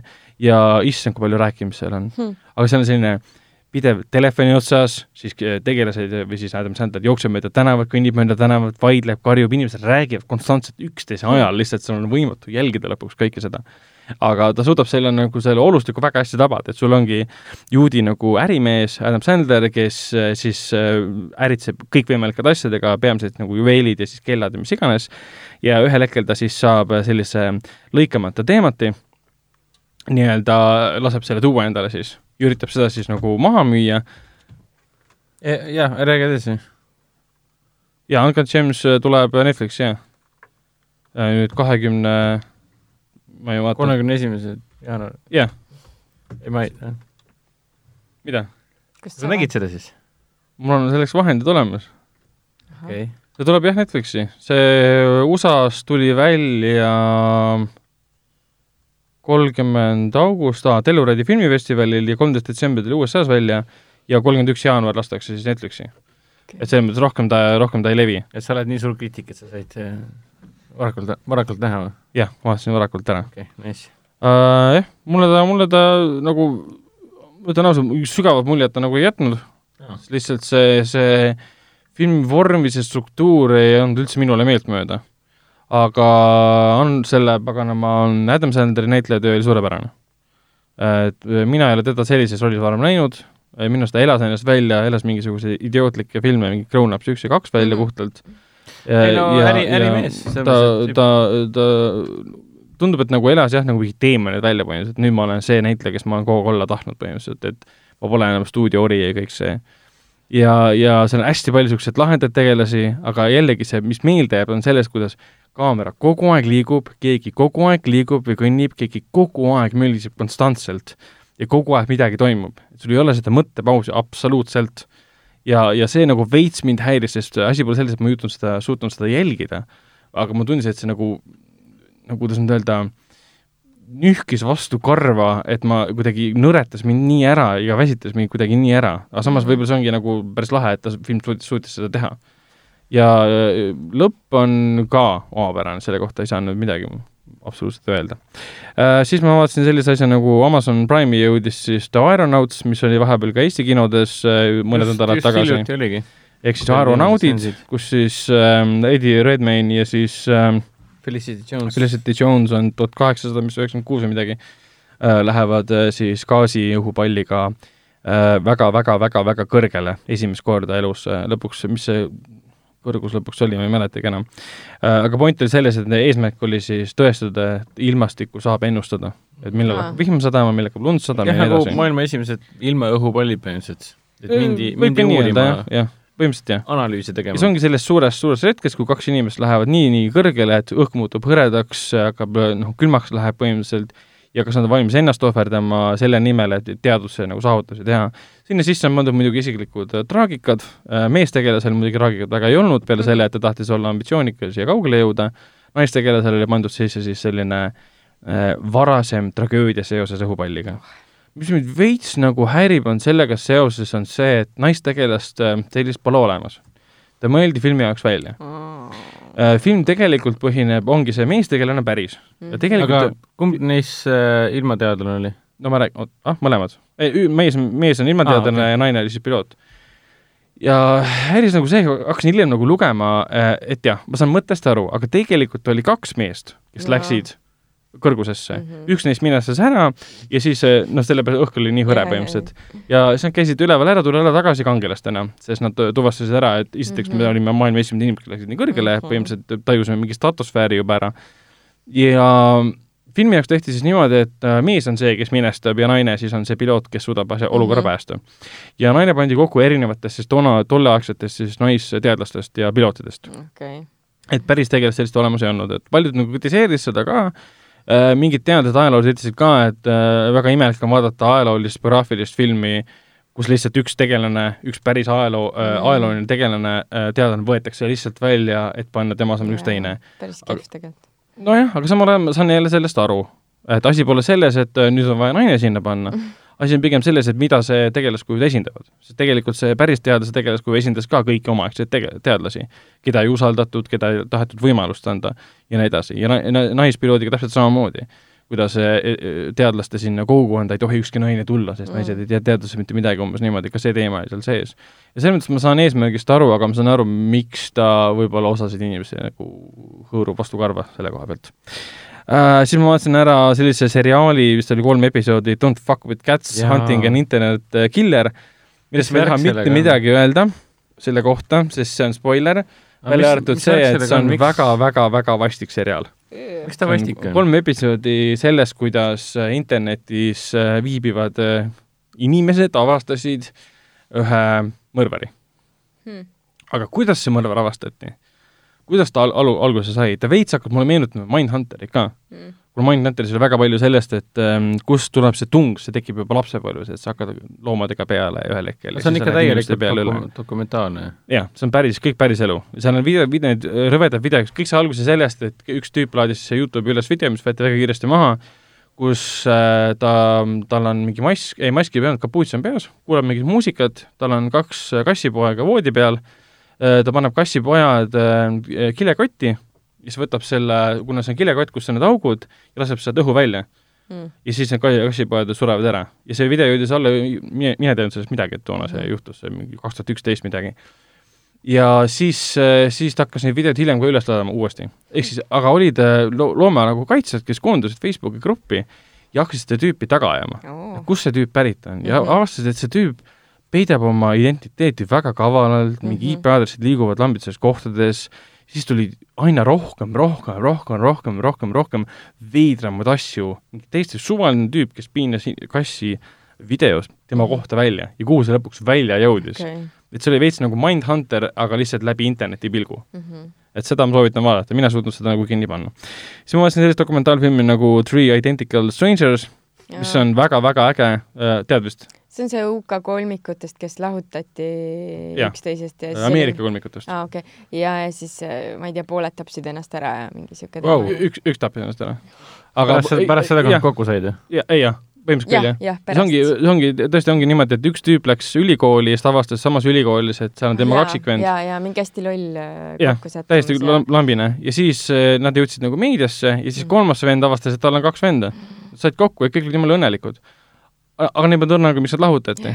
ja siis, mis sealt välja tuleb, miks nad lahutati, kes nendest seda selle taga oli ja mida nad tegelikult sellega uurisid mm. -hmm. see oli päris rõve ja sellega, miks üks vendadest ennast ära tappis äh, ka seostub kaudselt võib-olla sellega mm. -hmm. et tegelikult äh, kõige selgem punkt, mida seal välja toodi, oligi see, et sa tekitad äh, kol- kolmikutele, kaksik, kaksikvendadele või kolmikutele eluaegse trauma mm -hmm. läbi selle, et sa võtad lihtsalt härist, võtad kaks venda ära Mhm. ja nad ise ei saa sellest traumast aru mm. -hmm. Nad kõik olid olnud elu jooksul ühel hetkel mingi depressioonis, Jah, olnud jah. kuskil kinni ja nad ei teadnud, kust see tuleb mm. -hmm. see tuligi sellest psühholoogilisest mm. -hmm. sisemisest traumast põhimõtteliselt. Ja äh, mida ne,, miks nad nagu eraldati, osalt oligi, et uuriti seda. Mhm. ja aga et seda uurida, sa pead lapsed eemaldama mm -hmm. ja siis tuli välja, et on veel olnud neid kaksikuid.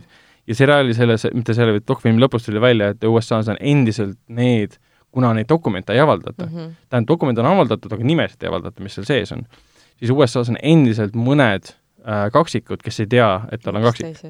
Ja siis see, see, see, see dokumentaalfilm lõpeb ka umbes niisuguse lausega, et jaa, see on, USA-s on inimesi, inimesed, kellel on võimalus, et nad astuvad nurga taha ja kohtuvad seal iseendaga, sest nad ei tea, et neil on kaksikvend. Mhm. aga see oli kohati hästi lõbus ja tore, niisugused lahedad vennad ja tegid endale siis kolmikute nagu restorani, kõik niisugused asjad, nad olid tohutu suured nagu hitid, käisid igal pool õhtusaadetes umbes niimoodi. Aga siis ühel hetkel muidugi nagu ikka, et sul on see kõrgpunkt Jah,, kõik ja on siis- hästi tore ja hakkab minema allapoole, allapoole, ja, ja allapoole, eks allapoole. avalikkuse huvi ju kaob ka ära ja, ja siis võib-olla Jah. jah, aga see oli, see oli väga, väga mõtlemapanev. siis ma vaatasin sellist filmi, dokumentaalfilmi nagu Won't you be my neighbor, mis rääkis mm -hmm. Fred Rogersist. ma peaks selle ära vaatama, enne kui film välja tuleb. jah, sest nüüd tuleb äh,, Tom Hanksiga tuleb see film varsti Eesti keeles on ta Hea naaber. ja millal ta meile tuleb? See oli täpselt, ah kurat, Mhm. eks siis tuleb meile vist oli kas jaanuari lõpp või veebruari algus, ma ei mäleta täpselt, või oli isegi märts.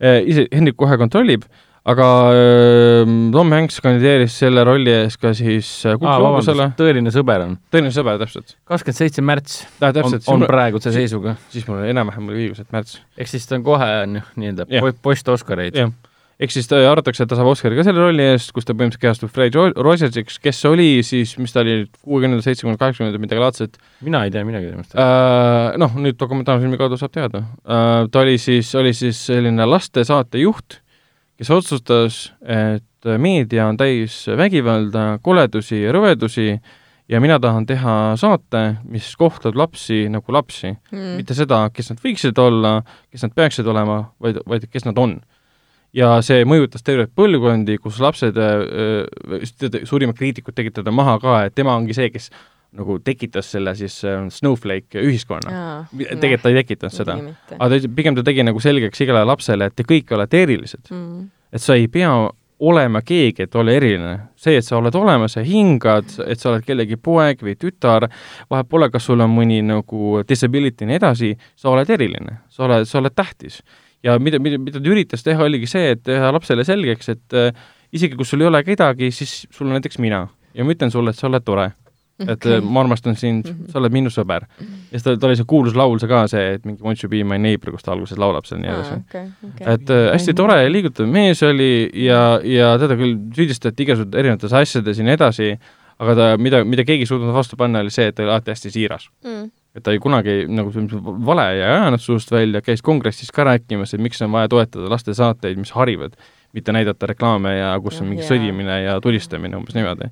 et eh, ta põhimõtteliselt suunas USA siis nagu kongressi selles suunas, et kuna meedia on põhiline nagu lapsevanem eh, või noh, televisioon toona, siis äkki oleks seda vaja siis arendada ka, mitte niimoodi, et noh, kõik vaatavad mingit, ma ei tea, A-rühma, või no A-rühm tuli hiljem muidugi uh,. vot, kõlab väga huvitavalt, ma kindlasti võtan ette. siis ma vaatasin uuesti Once upon a time in Hollywoodi, mis mulle endiselt ei meeldinud, püüdsid võimaluse anda või? jah, siis ma vaatasin Amazonist äh, poole peale, kuna ma lõpuni ei viitsinud vaadata The Upside, ehk siis mis on selle üks pluss üks Ind-, Indushabla, Intouchable uus versioon. äh, jah, selle prantsuse filmi uus versioon, kus on siis, kus on siis Kevin Hart ja, ja Brian Cranston äh,. Tore film, aga mõttetu remake, selles mõttes, et kui, kui midagi vaadata, siis vaadata algupärast filmi. ja siis David, David Chappelli stand-up'i vaatasin mitu korda uuesti, sest mm. -hmm. Dave Chappell on äge.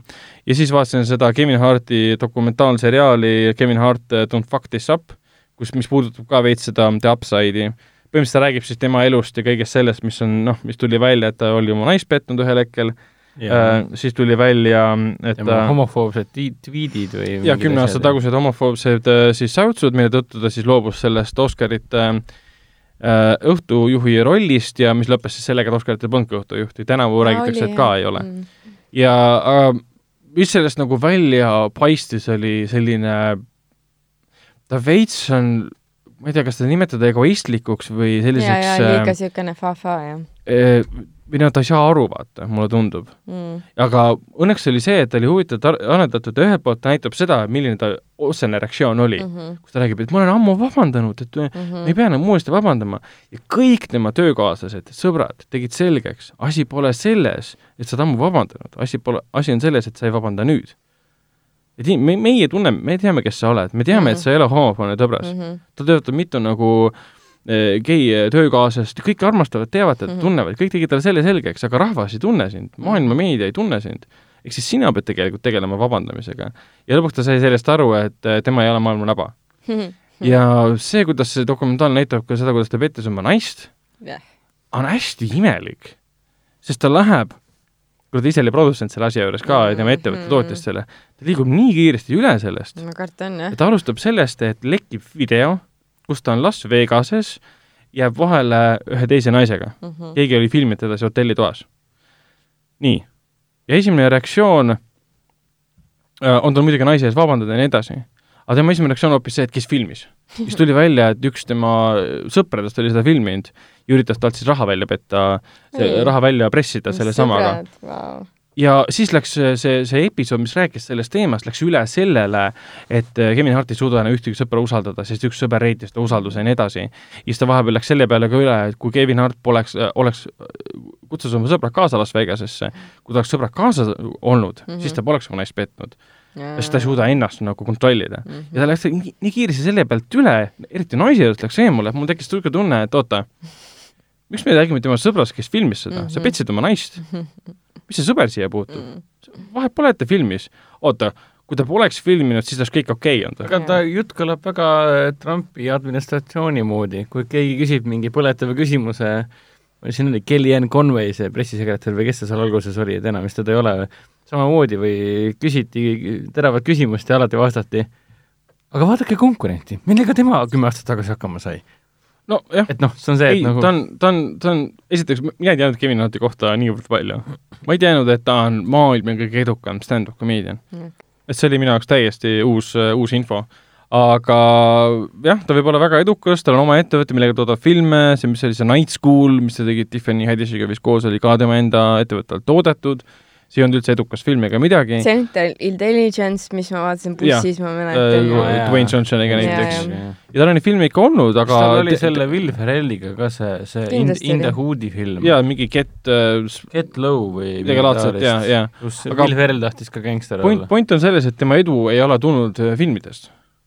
tema edu on tulnud sellest, et ta müüb kõik need areenid välja, kus tema Mhm. tuuri käis, tuuri käigus käib, on see siis äh, Austraalia mingi, ma ei tea, see on Square Garden, London. UK ja kõik see, et on meeletult edukas ja see oli minu jaoks uudis, kuigi ma oleks pidanud seda aimama, sest kui ma David Chappelli vaatan, siis David Mm. Chappell tihtipeale räägib Kevin Hartist, et kuidas Aa, mingi okei. viskab teda, sest ta on nii edukas. teenib palju pappi. ja, ja mingi poeg, poeg tahab äh, isa käest sada viiskümmend dollarit, et mine Kevin Harti vaatama. okei, okei. aga jaa, selles mõttes soovitan vaadata, kui tahate teada midagi natukene Kevin Harti kohta ja veits nagu huvitab see, mis juhtus tema, tema elus seoses siis selle Oscarite suure fopaaga Mm. ja kõik see, et äh, Netflixis on see olemas ähm, minu jaoks oli ta üsna, üsna huvitav, midagi kas või poole silmaga jälgida. vot, aga pika jutu peale ütleme seda, et me saame rääkida filmidest, mis vahepeal äh, kinno on tulnud äh,. mainime ära, et eelmisel nädalal, aa ah, jaa, kassik ka.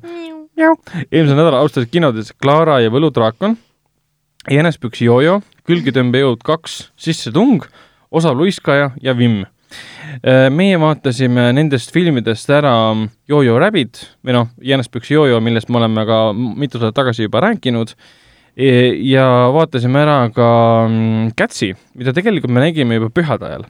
aga me ju, saade jõudis, ilmus alles nüüd. ja Hendrik vaatas selle Good Liar'i ja me kõik oleme näinud Lighthouse'i, millest me võime veel Mm. natuke rääkida. mida veel Hendrik ära vaatas, oli Raha, jõmmi, piinad. no mis see good liar on, mis see eesti keeles üldse on? mis oli Aus valetaja või? osav luiskaja. osav luiskaja. ise oled aus valetaja. see on Ian McKellen äh, ja, ja Helen, Helen Mirren. Helen Mirren. ja, ja, ja Bill Condon on lavastaja. Kuidas nüüd öelda, see on selline müstiline krimidraama, võib öelda äkki. mõlemad olete näinud seda või? mina ei ole näinud, aga ma olen seda näinud. treilerit miskipärast liiga palju Kõik näinud. müstiline, ta on äh, pingeline kassihiiremäng. see on siis lugu Krimi- sellest, kuidas Helen Mirreni karakter äh, tutvub äh, veetleva vanema härraga, kelleks on siis Ian McKellen, kes kaks kõrges eas äh, inimest, mees ja naine äh,, saavad siis internetiportaalis kokku ja otsustavad, et nad hakkavad siis äh, ka päriselust kokku saama. Mhm. See- ja sebima nii-öelda, algul saavad siis nagu hästi väärikad äh, vanaldased äh, härra, härra ja proua, ehk siis nad saavad restoranides kokku ja kohvikutes kokku ja kohtuvad lastelastega ja kõigega, et noh, neid on ju paljusid. nii. ja, ja, ja, ja, ja, ja tekib armuleek ja, ja, ja mõlemal on äh, nende, nende spausid ehk siis äh, me abikaasad äh, surnud äh, vahepeal, kellel aasta, kellel mitu aastat tagasi, kellel on lapsed, Mm. kellega suheldakse, kellel on laps, kellega ei suhelda mm -hmm. sest ta ei taha äh, vanaisaga rääkida enam või no isaga rääkida. ja, ja ka ühel hetkel tuleb siis, tuleb siis välja, et äh, härrasmehel Ian McKellenil on, natuke teistsugused plaanid, kui, kui esialgu võis tunduda. noh, ma, ega ma ei spoilerda, aga see ongi filmi premise, noh, vabandust, see ongi filmi Premise. mõte, filmi mõte seisneb selles, et Ian McKellen on selline Pole, pole päris see, kes ta tegelikult tundub teine, olevat. teinekas pätt, kes on harjunud sellega, et saabki taolist äh, perfektset äh, ähm,, kuidas seda nüüd öelda, õngekonksu langevate vanaldaste naistega kokku, tema, tema vanuste naistega, ja, ja põhimõtteliselt siis meelitab neilt äh, nii palju kui võimalik äh, pappi välja ah,. nagu varanduse ehk siis ta on varas ja pettur okay.. ehk see teeb kõik selleks, et kõik kätte saada, hästi Kas- meeldiv, hästi tore, no ta on Ian McKellen, ta on nii tore, Ian McKelleniga on see teema, et ta on, mida vanemaks ta saab, tähendab, raske öelda, et mida vanemaks ta saab, minu meelest on ta kogu aeg täpselt samasugune mm. -hmm. Jaa. elu, olgu selleks siis Apt Pupil, kus oli vist kahe tuhat ei, üheksakümnendate lõpp äkki või Jah. see andekas õpilane, või siis, või siis nüüd see Good Liar tulemus on ikka see, et sa näed ikka täpselt samasugune välja.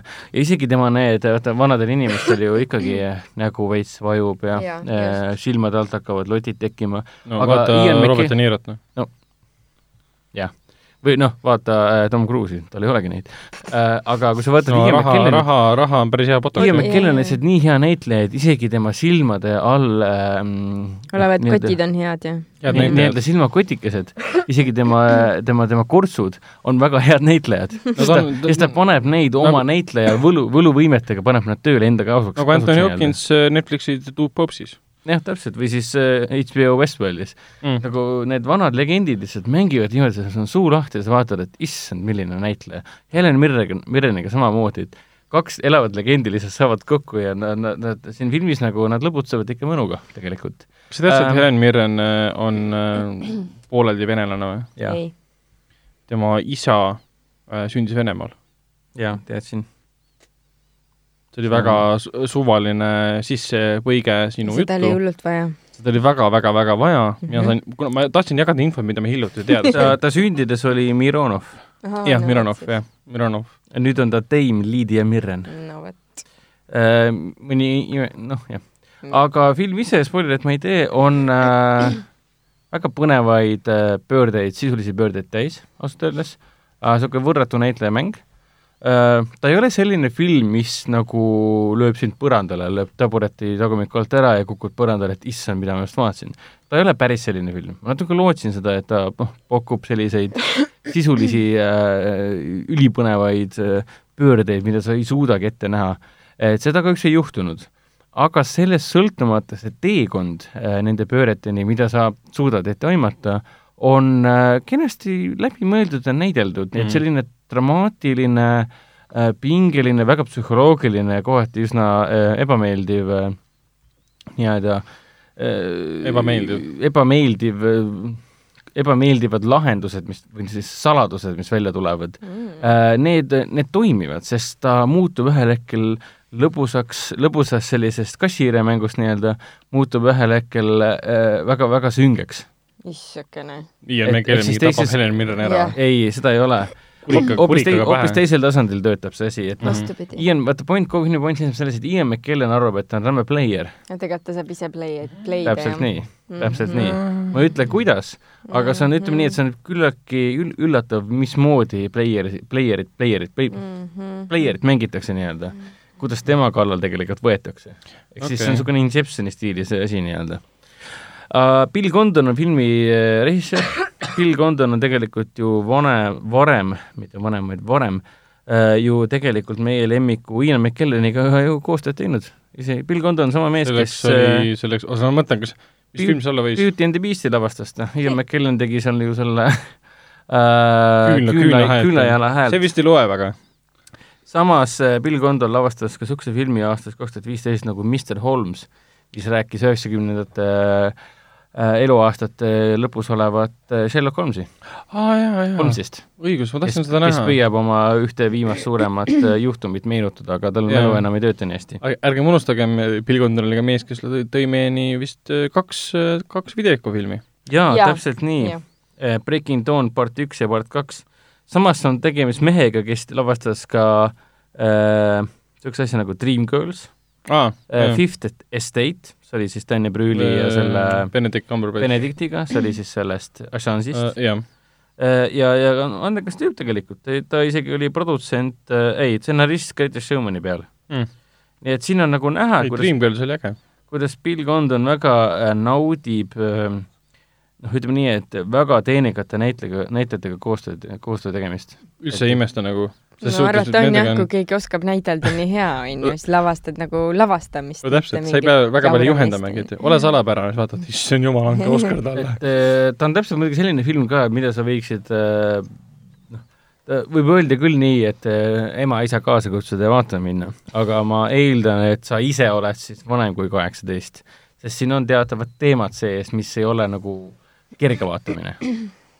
või noh, kerge sa mõistmine mõtle. seda, mida mina mõtlen. ei. Ma ei tea, mis te mõtlete, ma ei taha julge seda, teada julge seda ka. välja öelda. kui sa, kui sa mainid filmi, kus kaks vanemat inimest kohtuvad. ei, see pole see ja. mis on seal eba, okei, Lähme edasi.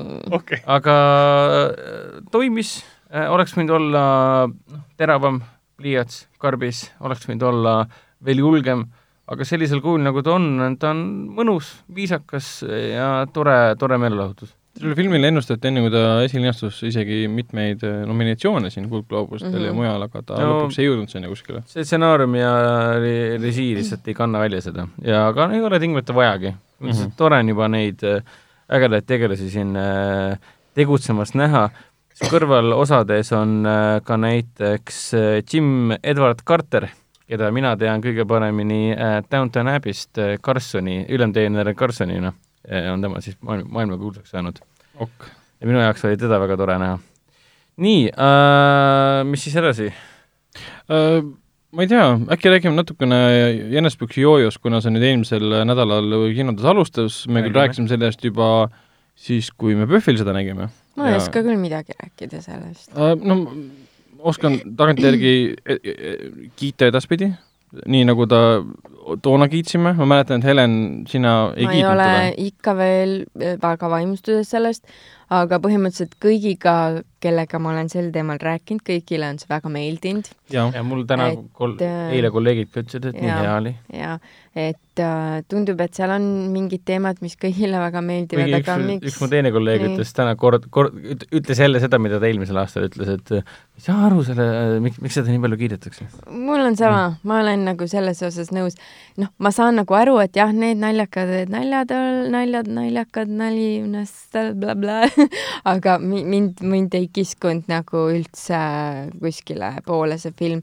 mulle ja meeldis see koht seal lõpus nende väikeste poistega, kes Mm. mm. olid äh, väga head näitlejad ja väga aa, seal, kui väga nad lahingus olid, Jah. jah. ja siis äh, ma ei hakkaks kah spoil ima väga Kul-, kuuldavasti see väike noh, pontsakam äh, Briti mhm. poiss jaa, tema hakkab siis nüüd mängima äh, Disney plussi Disney plussi siis äh, Üksinda kodus seriaalis Aa, õige, äh, oli, jah. seda Mhm. uut, uut Kevinit nii-öelda, mitte küll Kevinit otseselt, aga uut tegelast. veits äh, veider choice, aga okei okay.. Ähm, jah, ma, ma ei oska, jaa, šokeeris kohati see film, mitte ainult oma natsisümboolika ja hailidega, no see nüüd et, et seal mind küll otseselt ei šokeerinud, natsisümboolika ja kõik see, aga pigem need traagilised sündmused Jah, olid väga ootamatud ja ma ei tea, minu pealt ma ei oska midagi um, öelda. Mart, ma lihtsalt kordan ennast äh, selle koha pealt, mis ma juba varasemalt olen öelnud, et uh, hu hu huumor nagu töötas uh,, ta oli kuidagi, kuidas nüüd öelda, ta oleks võinud isegi naljakam olla, Mhm. isegi julgem olla huumori mõttes, et neid kohti seal oli, kus sa lihtsalt said nagu lolliks nagu naerda mm., aga neid oli kuidagi nagu vähe võrreldes jalaga sellega, perse huumor siukene. kas noh, jalaga No perse on kuidagi halvasti öeldud ma kukun aknast välja. See oli, keegi ei kukkunud aknast välja okei okay. Hitler hüppas aknast välja korraks, jah, oh, spoiler. Vau.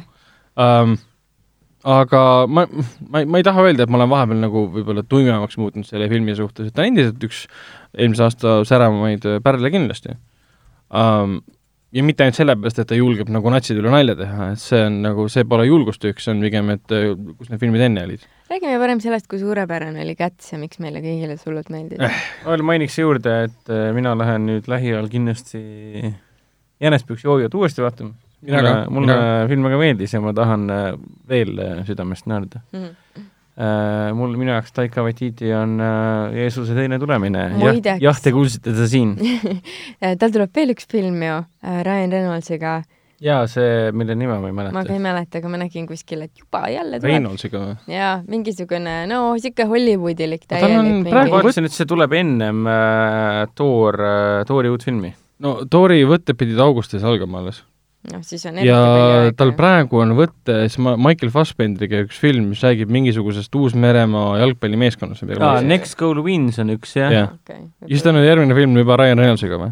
ehk siis ta on nüüd. Hollywoodi nõutum reisijal, kes julgeb väga ja ta näitleb ka veel täpselt, kusjuures. näitleja ja ta- julgeb ette võtta ja ta kirjutab ju ka ja et Täpselt. selles suhtes, et ta on nagu tõesti tehtud mees Jah., kõik tänu sellele ühele filmile, mis ta tegi, What we do in the shadows, oli siukene. In the West tal ei ole midagi seoses Ryan sellest on jah vaikselt. räägitud küll, aga jah, kõik tänu What We Do in the Shadows'ile, mida ilmselt Disney mingi juht vaatas, Kevin Mhm. Feige, hmm, see mees võiks teha järgmise Tori, sest kõik Torid on halvad see on see, et mulle meeldib tema aktsent, tule meile tööle. Mhm. Vot. nii, aga räägime Ähm, siis Catsist ka või? jah, mainime paari sõnaga veel Lighthouse'i kohta, majakas äh, film, mis on nüüd praeguseks vist kogunud äh, ütleme nii, kuna ta on levinud ainult Artise kinos ja siis Sõpruse kinos ja PÖFFil, siis mitte just väga palju vaatajaid. aga endiselt soovitame kinno vaatama minna, seda saab veel näha Artises äh,, minu arust endiselt suurepärane film, kuigi Helen jälle ei ei olnud, saa enam näha, kusjuures see lõppes viiendal ära. Artises pole enam või? ei, oi, siis ei saa enam soovitada. sellepärast mina käisingi nüüd uuesti vaatamas Mm. seda nüüd äh, vabandust, vabandust, vabandust. no siis oli mul valeinfo ja siis äh, minu teada selle Blu-ray on vist juba väljas, et nüüd saab tegelikult isegi selle Blu-ray endale minu arust osta. oligi siin jaanuari keskpaigus pidi tulema see nii-öelda kodu, koduväljaanne, ehk Vot. siis inglise keeles home release., kuigi ta on täielik kinofilm, aga seda soovitan ka kodus üksi vaadata äh,. Räägime Catsist, räägime filmist nimega Cats, mis põhineb siis Andrew Lloyd Webberi samanimelisel muusikalil Äh, tegemist on siis Tom Hooperi lavastatud filmiga, Tom Hooper on sama mees, kes tegi suurepärase meistriteose, mille nimeks oli Hüljatud Les Miserables. Les Miserables. Miserables. Äh, kus, kus siis äh, muuhulgas, muuhulgas siis Anne Hathaway ja, ja Hugh Jackman laulsid ja tegid seda suurepäraselt. nüüd äh, Tom Hooper tegi oma järgmise muusikafilmi pärast siin mitu filmi kes. on sama mees, kes lavastas ka King's Speech'i, Danish Girl'i Taani tüdruku ja, ja kuninga kõne, täpselt, jaa. Tal- siis tekib küll nagu küsimus, et tüüd, mis juhtus nagu, Äh, kas sa nagu olid üldse jah. platsil, kas sa lugesid stsenaariumit? ta oli, oli, oli platsil. mis äh,. juhtus? igatahes selle filmi kohta on väga palju öeldud ja enamus, mis selle filmi kohta öeldakse, on see, et ta on kohutav film Mhm. ja aga see kohutav film ei tähenda seda, et oleks nagu rämps. on küll rämps, minu arust see oli täielik rämps nagu. mitte nagu rämps selles mõttes, et oleks see nagu nagu see cat litter, you know, kati, kassiliiv, see sita noh, ja aga, kuskil. aga rämpsul, aga rämpsul ja rämpsul on vahe, et üks rämps võib olla nagu mingi totaalne äh, äh, lavastamata junn, aga aga see film, ta oli lavastatud, aga kõik, mis nagu disaini printsiibid või loogikad, mille alusel hakata filmi üles ehitama, olid äh, mööda. ta vist arvas, et ta suudab nagu eriefektidega luua pool filmi juurde. Aga kuna need fail isid juba, siis nagu kõik failis ma ei. suuda uskuda, et ta arvas, et pärast seda kogemust, mis ta, mis ta sai nii suurepärase asja nagu hüljatud ekraniseerimisega, muusikali eks- Mhm. ekraniseerimisega, et kuidas ta arvas, et mis äh, juhtus nagu et, et nii nagu ebafilmiliku looga muusikalit on mõistlik täpselt samasugusel kujul, nagu ta muusikaline on, ka filmiks teha. mm.. Ja siis veel kaasa võtta, rakendada äh, nii-öelda revolutsioonilise kassi eh, VFX-i, millega ta, millega ta hakkama ei saanudki. sest Jah. film ju on siiamaani, olgem ausad äh,, poolik. ta on, ta on poolik, ta on igal pool maailmas poolik. Ja ta sõltumata näiteks-, sõltumata sellest, et äh, USA-s äh, saadeti pärast esilinastust äh, avanädalavahetust, saadeti nii-öelda uus variant. uus variant, kus olid täiendatud, täiendatud aga, VFX. aga tead, mida seal täiendatud oli, mina seda ei teadnud No. mõne, ühes kaadris näiteks Judy Dench, kes mängib ka siin siis mm. -hmm. nagu kassi, on näha, et tal on tavaline käsi, inimese käsi. ja mingi sõrmus oli sõrme peal. ehk siis see oli ähm,, efektid olid tegemata jäänud seal. aa, no filmi oli jah, Nad kusjuures ei film- pannud tähele, seal ei pannud efekte kuidas sa ei peal. pane tähele filmi lõpus selle, sellest, selle monumendi otsas, kui ta laulis, et hoolitsema kassi eest yeah., mis oli hästi veider, kümme minutit järjest lihtsalt Judy Dench laulab sulle jaa, see oli kõige veidram elamus minu meelest ma nägin seal, et selle käsi oli järsku mitte karvane ja, ja, ja, ja sellegi film on ka tohutavalt ebaühtlane, kõik, mis puudutab interjööre ja eksteriööre, kohati on Mhm. kassid suuremad, mm. kui nad peaksid olema, kohati nad on väiksemad, kui nad peaksid olema, kohati näeb karvastik ühes kaadris, mõnes kaadris väga hea välja ja kohati näeb ka karvastik nii võlts välja, et seda on raske vaadata. ja kohati on selline tunne, et nagu mingit deepfake tehnoloogiat on kasutatud, et panna mingid eh, näitlejate näod nende kasside nägudele. no see ka see oh, üks asi, aga see, et no tegelikult karakterid olid täiesti mööda pläustid. üks kass, kes kogu aeg ainult naeratab, ai, mul on nii hea kõik ja ma ei saa midagi aru, mis toimub ja ma lähen siia ja sinna ja mis mind kõige rohkem häiris, oligi see, et kui mingisugused sündmused peaksid tulenema peategelase otsustest, valikutest ja tegevustest, siis see peategelane ehk see mingi white, valge kass või kes iganes valge kass Victoria. ta ei teinud midagi ta lihtsalt hängis, ta lihtsalt läks teiste tõmbetuules, mis mm. -hmm. teised tegid ja ega teised ka midagi ei teinud eriti ju. no Nad niisama jaurasid seal ringi ja, ja film ju siis kestis, mis ta oli, poolteist tundi umbes, midagi siukest. Hendrik äh,, oli midagi taolist ja esimene tund aega oli, poolteist tundi. Või oli kaks tundi peaaegu või? alla Ei kahe olnud., kaks kümme midagi. Aa, üks tund, üks tund ja viiskümmend minutit. aa, okei. pikkusega. üle esimese tunni oli äh, ainult see, mis Vi- Vict- Victoriaga juhtus, mis see oli? ta lihtsalt käis ja töllerdas ja siis Täpselt. nad laulsid, aga need laulud olid nii halvad ja eestikeelne tõlge oli mitu just katastroofselt halb ja, Aga siin ja olid see ei nagu- toiminud, mulle need laulud ei meeldinud, need ei olnud ilusad ega ja koreograafia oli ka kehv. veel hullem, ma olen käinud Vane, Vanemuises ballette vaatamas peaaegu kõike, mis on Mm. Ja ma ei ole küll suur tantsusõber ja tantsuarmastaja, aga ma näen, et balletis on rohkem kui üks liigutus, et sa keerutad ühtepidi ja siis lükkad jala Jah, taevasse. Kätsis oli ja ainult üldse see kogu selle nagu. filmi koreograafia, ma hakkasin vaatama nii algupärase, algupärase selle Kätsi muusikali koreograafiat, see nägi väga äge ja, välja. ja et see Ja tants on tants filmi, ikka. reaalselt nad lihtsalt, esiteks tants on väga halvasti filmitud, kokku monteeritud ja tants on kehv ka. Ja kui võtta arvesse, et lugu üle tunni aja Victoria läheb ühest punktist teise ja kogu aeg tuleb uus kasside seltskond Mhm. või üks kass, kes hakkab laulma, kes ta on. ja lõpuks, kui see oli kestnud tund pluss minutid ja mõtlesin, et kas lugu kuskil ei liigugi, et me, me näeme tund aega kasse, kes tulevad ja tutvustavad ennast ja nad kaovad sõna otseses mõttes ära. siis Mhm. tuleb see mingi McCavendish või mis iganes, McCavity paha kass kaotab nad ära ja me ei näe neid kasse enam kunagi. Mhm. ja miks üldse seda tutvustust vaja oli, miks ta looga ei tegele? ja lõpuks ongi see Victoria, temaga juhtuvad erinevad asjad, mis tegelikult on uute kasside tutvustused, Mhm. aga lõpp, kus See- see... nagu sellest, mis sellest, Grisabella või mis iganes selle Jennifer Hudsoni kassi nimi oli, tema nagu vabanes sellest maailmast ja läks siis sinna teisele tasemele umbes see ei niimoodi olnud. ka nagu välja ei teenitud., absoluutselt mitte, meile jäi mulje, et lugu peaks olema Victoriast Jah. kes tahab pääseda sellest Jah. maailmast välja. Aga see ei olnud sellest. Mm-mm. see oli lihtsalt mingi kass, kes on niisugune nagu catnipi mõju all kogu selle filmi aja, kogu aeg on õnnelik. coked out of his or her mind põhimõtteliselt, näeb, mis temaga toimub ja ühel hetkel öeldakse mulle, et äh, ta annab oma koha ära, et see Jennifer Hudsoni kass pääseks. absoluutselt ei usu, absoluutselt kus ei see saa aru? Ja see, mis toimub nagu. kõigil oli hästi ju, kõigil oli elu päris tore, ma vaatasin, välja arvatud siis, kui see McCavendish, McCavity viis siis äh, kassid minema. jah, süüa oli igal pool, sai hängida, millest me räägime nagu. see oli nagu nii paljude erinevate mööda lastud ja halvasti läbimõeldud mm Mhm. -hmm. või lihtsalt asi pole halvasti läbi mõe- mõtlemises, asi on selles äh, valesti arusaamises, kuidas miski peaks töötama, nende elementide kogumik. üks asi on see, et need kassid nägid väga veidrad välja, lihtsalt nagu Uncanny Valley. Uncanny Valley, kuidas, kuidas me selgitame, mis see on? see on see, kui sa näed inimeselaadset asja, aga sa näed, et midagi on valesti. täpselt. Äh, minul oli paar korda see ka, et ähm, vaatasin, et äh, kassi keha ja siis pea ja näo ratio kuidagi üldse ei toiminud mm. -hmm. ma vaatasin, et no mis värk on, on ju, eriti see Taylor Swifti koht.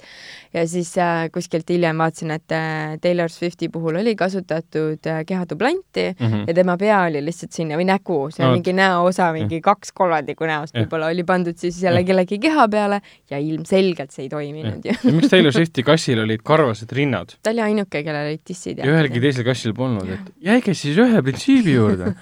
et mida mu aju peab mõtlema, et ma vaatan, sul on üks kass, kes võtab endalt naha maha, sest tal on kostüüm all. ja siis sul on Judy Dench'i kass, kellel on sall või, või see mm, kasukas. kasukas, mis, mis on tehtud teisest kassist. jah, jah, Et nagu mis teil viga on? ja ma saan aru, et ma peaksin uskuma seda maailma, seda on raske uskuda. Seda filmi vist saabki nautida kas purjus peaga, mida ma ei soovita selles mõttes, et ma ei, ma ei kutsu inimesi üles minema Foorum Tarbima. Cinemas kinodesse seda filmi purjus peaga Jah. vaatama. aga, aga internetti on praegu levinud hästi paljud kommentaarid, kus inimesed reaalselt võtavad ka aineid sisse. üks, üks artikkel oli koondanud kommentaarid, et mingid tüübid võtsid LSD-d ja igasuguseid asju sisse, läks filmi vaatama. Ja neile oli väga meeldinud, ütlesid, et jaa, see ava-, avardas uusi maailmu umbes niimoodi. ja üks tüüp oli siis vist äh, kanepit tõmmanud enne seda filmi, üks oli seeni teinud ja ütles ka keset filmi, et ma tahan ära, ma tahan ära, see on hirmus, see on hirmus. et sellest saab kultusfilm, selle koha pealt inimesed hakkavad ainet tarbima, seda filmi vaadata. kohutav. ja, aga sellega, ma ütlen endiselt seda, see on film, mille sarnast pole varem tehtud nojah ja. mida kinos pole ka näinud. Et selle koha pealt ta väärib vaatamist, et kui sa tahad näha filmi, mida sa pole kunagi varem näinud. ja sa ei pea väga mõtlema ka millegi ükskord oligi nii, et paar ajakirjanikku siis äh, sõitsin, saatsin ajakirjanikke siis pressilinastusele ja siis just siis küsis teiselt ajakirjanikult, et kuule, kas mul on mõtet seda katsi vaatama minna, kõik räägivad nii halvasti selle kohta ja siis teine ütles, et, et äh, ei, ei saa küll soovitada, aga siis ma segasin kohe vahele, et aga tead, aga sa saad olla osake ajaloost. Sa saad tulevikus, kahekümne aasta pärast sa saad öelda, kui sellest filmist on saanud nagu kultus, kultusfilmid iga aasta uuesti vaadatakse nagu mingit The Room'i või siis Rocky Horror Picture Show'd mingil põhjusel no,, siis, siis, siis sa saad öelda, et kakskümmend aastat hiljem sa saad öelda, et mina olin üks nendest esimestest, kes seda kinos nägid mina olen seda kinos näinud. sa võid tulla seda filmi sisse juhatama, sest sa oled seda kinos näinud. täpselt. pigem ongi küsimus, et stuudio andis kakssada miljonit, no peaaegu kakssada miljonit selle filmi rahastamiseks Mhm. ja valmistamiseks, tegemiseks. ja kas polnud nagu siis, kas nad ei osanud kontrollida seda loomisprotsessi, et näha, et kuule, see ei tööta äkki ei või? kujuta ette, jah. või sa ühel hetkel avastasid liiga hilja selle, et no me ei saa enam pidurit panna, teeme ikka lõpuni, selles mõttes, et Taylor Swiftile on raha ära makstud juba ja mis me nüüd teeme nüüd siis. ja nad ei saa, nad pidid jah näitama võimalikult palju staaride nägusid, aga tulemus oli selline košmaarne poolõudukas, mis tegelikult oli väga igav, meie seansi ajal inimesed jäid magama, sest laulud ei stimuleerinud korra tantsu, tants peaks olema niisugune üle, sa Jah, nagu hakkad kaasa jah. tatsuma ja mõtled, laulad omaette kaasa või viisiga Mm. mõmised kaasa, siin seda ei tekkinud absoluutselt. et äh, ma ei tea, Tom Hooper äh, ma ar- arvan, et ta peaks võib-olla jääma ma ma, ma ei taha öelda, et mitte nagu enam muusikale tegema, ta peaks jääma võib-olla realismi juurde. Talle tuleb see palju paremini välja, mul on tunne. ta ei saa aru, mis see fantaasia täpselt on vist. võib-olla saab, aga tal on väga oma arusaam sellest. ja see arusaam ei kehti ülejäänud maailma arusaamaga sellest, mulle tundub sest äh, neid tundeid, mida mina tundsin Kätsi vaadates, mida kõva häälega välja rääkida hmm., et neid ma viin hauda endaga, võib-olla surivoodile okay. oma tulevastele siis lastele räägin äh,, mida ma tegelikult tundsin seda filmi vaadates äh,, ütleme nii, et äh, jah, maailmas on tõesti kilpkonn inimesi, kes ilmselt seda filmi naudivad äh,, aga kindlasti mitte tantsu ja laulu ja kõige muu pärast. jep, jep, jep. vot. Hendrik, kas sa tahad meile rääkida sellisest filmist, mida sa vaatasid Narva kinos? mille nimi on Privet, Korod Narva jah, aitäh sulle, aitäh sulle selle kommentaari eest äh,, mille nimi on Rahajõmmi piinad. rahajõmmi piinad ehk siis vene keeles on holop, holop peaks tähendama äh, peasant ehk siis äh, talupoeg minu teada otsetõlkena mm. -hmm. aga eestikeelsena tuli see pealkirjaga Rahajõmmi piinad, käisin seda vaatamas Narvas, miks Narvas, sellepärast et minu, äh, minu ja minu elukaaslase pühade vahe toimus Narvas turistina ringi joostes mm. -hmm. pühade vahe, sest see toimus täpselt pärast jõule ja enne aastavahetust. ehk siis meil oli pühade vahe Narvas, mis on nagu väga andekas asi, mille peale me tulime. pühade vahe. ma tean, aitäh, te ei pea kõik kätte suruma mul, nii wow.. Äh, pärast filmi avastasin, et äh, kes on äh, filmi režissöör, mida ma enne ei teadnudki. Äh,, tähendab, ma teadsin, kes on filmi režissöör, aga ma ei saanud kohe aru, et see on tema. Sama mees lavastas ka, lavastas ka Dmitri Gluhovski äh, Äh, romaani sõnum, tekst, ekraniseeringu, mis nüüd eelmisel aastal ka aasta teises pooles siin novembris äkki jooksis ka nüüd Foorum Cinemas kinodes, see, kus peaosas oli see Aleksandr Petrov, kes on hetkel suur superstaar Venemaal, mis ta nimi oli, Klim Šipenko. Läksime seda vaatama sellepärast, et kui sa oled Narvas, siis on ikkagi Privet Gorod. ma ei lähe vaatama mingit, mingit Jumansit, ma lähen vaatan vene filmi vene publikuga, oli Šmanši vastu on? jaa, aga see on Õhture selts oli venekeelse dublaažiga, et ma ei lähe seda vaatama see on näha Afga-, Afga-, Afga-, Afganina. Afganina. ta mängib seal. Afkvaf, saad teda vene keeles rääkimas näha? kuidas sa ütlesid seda, Afganina? Afganiina? ma ei tea, see on keeruline asi, mida eh, minu väike aju ei suuda omaks võtta, aga mida minu väike aju suutis omaks võtta, on nii Rahemi piinad ja point on selles, et see oli eh, siiralt ja päriselt nagu üllatavalt hea film mm siis kogu filmi point seisneb selles, et äh, rämedalt rikka äh, oligarhi poeg on ennast täiesti käest lasknud, räme playboy, lõhub, hävitab, pakub kõigile pistist ja lõpuks ta jõuab nii kaugele, et ta ajab isegi politseiniku alla ja isa mõtleb, et okei okay,, nüüd on viimane piir, nüüd tuleb äh, pojale õppetund anda. poiss ärkab siis pohmakaga üles ja avastab, et ta on miskipärast äh, justkui, justkui ajast tagasi läinud ja hoopis sattunud äh, üheksateistkümnendasse sajandisse. Ja, ja talle antakse mõista, et me ei tea, mida sa ajad, sa oled talupoeg, sa oled siin mõisniku kontrolli all, sa oled päris ori ja, ja hakka nüüd, hakka nüüd sitta vedama, et mida sa ajad kogu aeg, mida sa, mida sa räägid mulle siin eh, lolli juttu, et kus su auto on ja kus su telefon on ja nii edasi. mis ta nagu lõi nagu pea ära, et see sattus sinna või kuidas? põhimõtteliselt jah, lõi pea ära ja pohmakas ja nii edasi. meenutab mulle seda MacGyveri episoodi, kus ta jaa, täpselt, mul oli, mul oli, mul oli pärast Ei. filmi täpselt sama diskussioon samal ta teemal. kukkus, lillepott lillepott kukkus pähe ja siis ta sattus mingi ja siis kõik need inimesed, kes tema ümber olid samal ajal, kui ta toimus sellest, eh, pani ta siis kokku nii-öelda äh, äh, seltskonna, kes siis tema, teda mm -hmm. seal mhm. fantastilises loos saatsid no,. MacGyver oli tore. MacGyver oli tore, aga siin on see point, et tegelikult see on kõik lavastatud. ah, on või? ehk siis see, see on, see on nagu true, Vene oligarhi Truman Show. lihtsalt mm. ainuke erinevus on see, et see papa on nii ropult rikas, et ta paneb kokku ülimalt efektse äh, äh, täiesti lollikindla tiimi, kes loob põhimõtteliselt filmiliku täpsusega, loobki nii-öelda üheksateistkümnenda sajandi lõbustuspargi wow.. ja poeg on nii lollitas ainuke aru. eesmärk on see, et poeg ei tohi aru saada, et see kõik on lavastatud mm. -hmm. poeg peab, poeg lõpuks jääbki uskuma, et tegemist on äh, sõna otseses mõttes üheksateistkümnenda sajandiga wow.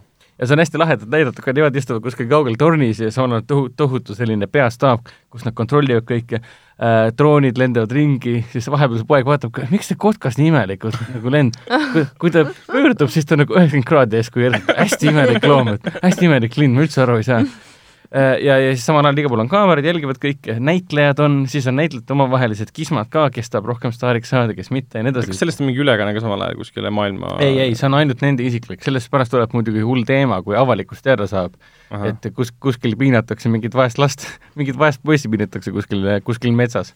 sunnitakse teda elama üheksateistkümnenda sajandi moodi. Vau, milline piinamine. aga, aga lõbus film, põhimõtteliselt hästi lihtne lugu sellest, kuidas poisile äh, mõistust pähe lüüa. kogu filmi eesmärk ongi, režissöör on siis samal ajal stsenarist ka, hull, hull, hullsuka romantik, kokku kirjutanud hästi, hästi põneva stsenaariumi, aga samas ta läheb looga kaasa, kui siis see peategelane ei käitu vastavalt sellele, mida ta on loonud. et noh, sa pead armuma sellesse mõisniku tütresse, aga ta ei armu hoopis tal-, teise talutüdrukusse, okei okay,, ma kirjutan stsenaariumi ümber. nii, lahendame sealt edasi, lähme sealt edasi Mhm. Siin on päris palju nalja ka sel teemal, et po- tüüp on loll tegelikult, noh. et noh, see ühes, ühes dialoogitseenis oli see, et kus tüüp mingi hästi lahe näitleja on see tegelikult, ma ei tea, ma olen teda varem vist eriti kuskil näinudki, kus ta nagu lihtsalt, lihtsalt küsib oma, oma, oma kamraadilt, et kuule, tead küll, nagu selles filmis oli see üks stseen ja siis see teine kamraad mingi, missuguses filmis? ja siis see samal ajal peastaabis kõigile mink kinni mingi no gospodi, kõik ootavad nüüd, kas ta nüüd, kas ta saab nüüd aru või mitte, siis tuleb see pingeline stseen, kus siis see tüüp läheb sellele, tähendab, see Rahimi poeg läheb siis sellele t- talupojale aina lähemale, lähemale, lähemale. Ja siis on mingi mm,, ta saab aru, ta saab aru, ta ütles praegu film üheksateist, ma saan mingit kuradi filmi ju. ja siis ta mingi aa ei, see oli see üks teine film. Ja, ja sa pole, sa pole seda näinud niikuinii, sa ju töötad siin, töötad siin kogu aeg, kõik mingi, issand, ta on täielik turak, noh, täielik debiilik. Samamoodi oli sellega ka, et siin te- tehti ajaloolisi korrektsusi äh, veits ümber, sest oli muuta, vaja asju muuta nagu äh, täpsemaks, et ütleme nii, et äh, kui üheksateist sajand oli tegevusse, kus ta oli siis viidud, siis nad tõid kuskilt äh, pimedast keskajast tõid mõned, mõned äh, vägivaldsed tüübid, Mhm. kes esindaksid suuremat ohtu, et siis peategelane tuleb ohtu survestada, et ta käituks õilsamalt ja temast Aa. tuleks parim inimene välja. kaitseks, kaitseks küla ja inimesed. jah, see oli. samamoodi, et ütleme nii, et no, minge vaatame tegelikult, ma ei hakka spoilerdama. ei, tundub äge, ma tahan näha, jah. seal, seal reaalselt tulevad mängu mõned suured vägivaldsed tüübid ja siis samamoodi, et äkki ta saab aru, et need ei saa kuidagi olla üheksateistkümnendas sajandis, see on nagu rohkem mingi kaheteistkümnenda sajandi teema mingi. proovime, mingi, ei, ta ei saa midagi aru, täielik debiilik, noh. siin on palju nalja, selles suhtes väga, väga ägedalt kirjutatud dialoog, väga ägedalt kirjutatud stsenaarium, ta on hästi klassikaline lugu muidugi, et jah, ma pean saama panevaks inimeseks, aga lõpus, kui ta nagu kõik nagu laabub, siis tuleb mingi äge mingi vene romantiline must ka peale, popp-lugu ja vaata, kõik toimub nagu hästi napakalt laitmatu, Mm. hästi lõbus ja huvitav vaatamine. et Okei. äh, jah, minge vaatama, Rahe ja piinad. okei, mulle meeldib see, mulle meeldib see eestikeelne pealkiri. selline väga, andekas pealkiri, mulle ka meeldib. oota, mis ta venekeelne pealkiri on? Holop, mis see tähendab? talupoeg või midagi. see oli päris ori või Peasant ehk siis talupoeg, jah? aa, ma rääkisin ju, jah, sa ei kuulanud Aa.? jah. Ah, igas podcastis on see moment, kui keegi räägib mingi pika loo ära, siis ütlesid te, teine aa? inimene hakkab rääkima täpselt sama juttu uuesti, siis on see, et ma just rääkisin sellest. Okay. katsu keskenduda. ei, ei, tundub, tundub väga äge, võtame kindlasti ette. vot, aga sellega said meie filmid äh, läbi, mis me oleme vahepeal kinos äh, näinud. mainime mõne sõnaga ka mõned uudised ära, nüüd siin vahepeal äh, jagati kuldgloobuseid. Selle kohta võib öelda nii palju, et Quentin Tarantino film äh, Ükskord Hollywoodis oli kõige edukam. see korjas siis parima meeskõrvalosa auhinna, mille sai siis Brad Pitt, kes tänas oma kõnes väga palju Leonardo DiCapriot Äh, film sai veel ka siis parima stsenaariumi auhinna, kus siis tänukõnes äh, Quentin Tarantino tänas iseennast, sest tema kirjutas stsenaariumi, see oli väga andekas. Siis ta sai veel äh, parima siis komöödia slaš muusikali auhinna. Aasta üks parimaid filme siis, vähemalt Kuldgloobuste arvates. mina sellega üldse nõus ei ole, aga samas ka äh, mitte. neid kategoorias olevaid filme vaadates ma ega ma ei oskaks midagi paremat ka sinna võib-olla valida. Parima filmi, me räägime siis äh, üleüldiselt parim film nagu parim draama ja ka siis äh, parima režissööri auhinna sai Sam Mendesi film tuhat üheksasada seitseteist, mis alustab siis kinodes sel nädalal.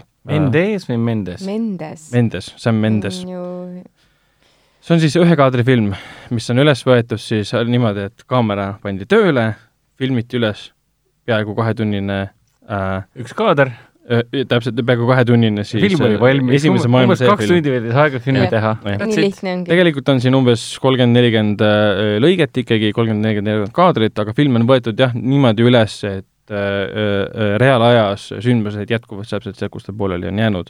et vaata ei tohiks aru saada, millal nagu on kuskil lõige tekkinud.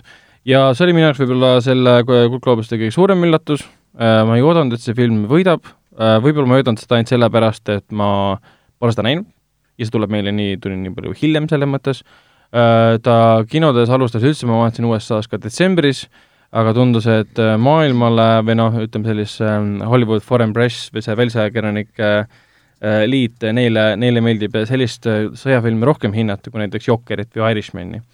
Ja rääkides Irishmanist, siis see ei saanud nüüd midagi, üldse Netflix tegelikult jäi väga paljudest oma võitudest ilma, olgugi et tal oli vist seitseteist erinevat nominatsiooni, mida nad said, oli siis, me mainisime ka siin, et Olivia Colman The Crowni eest sai siis äh, äh, au, äh, naisnäitleja auhinna Kuldgloobuse ja siis sai Laura Dern äh, mm -hmm. siis Marriage, äh, Marriage Story eest.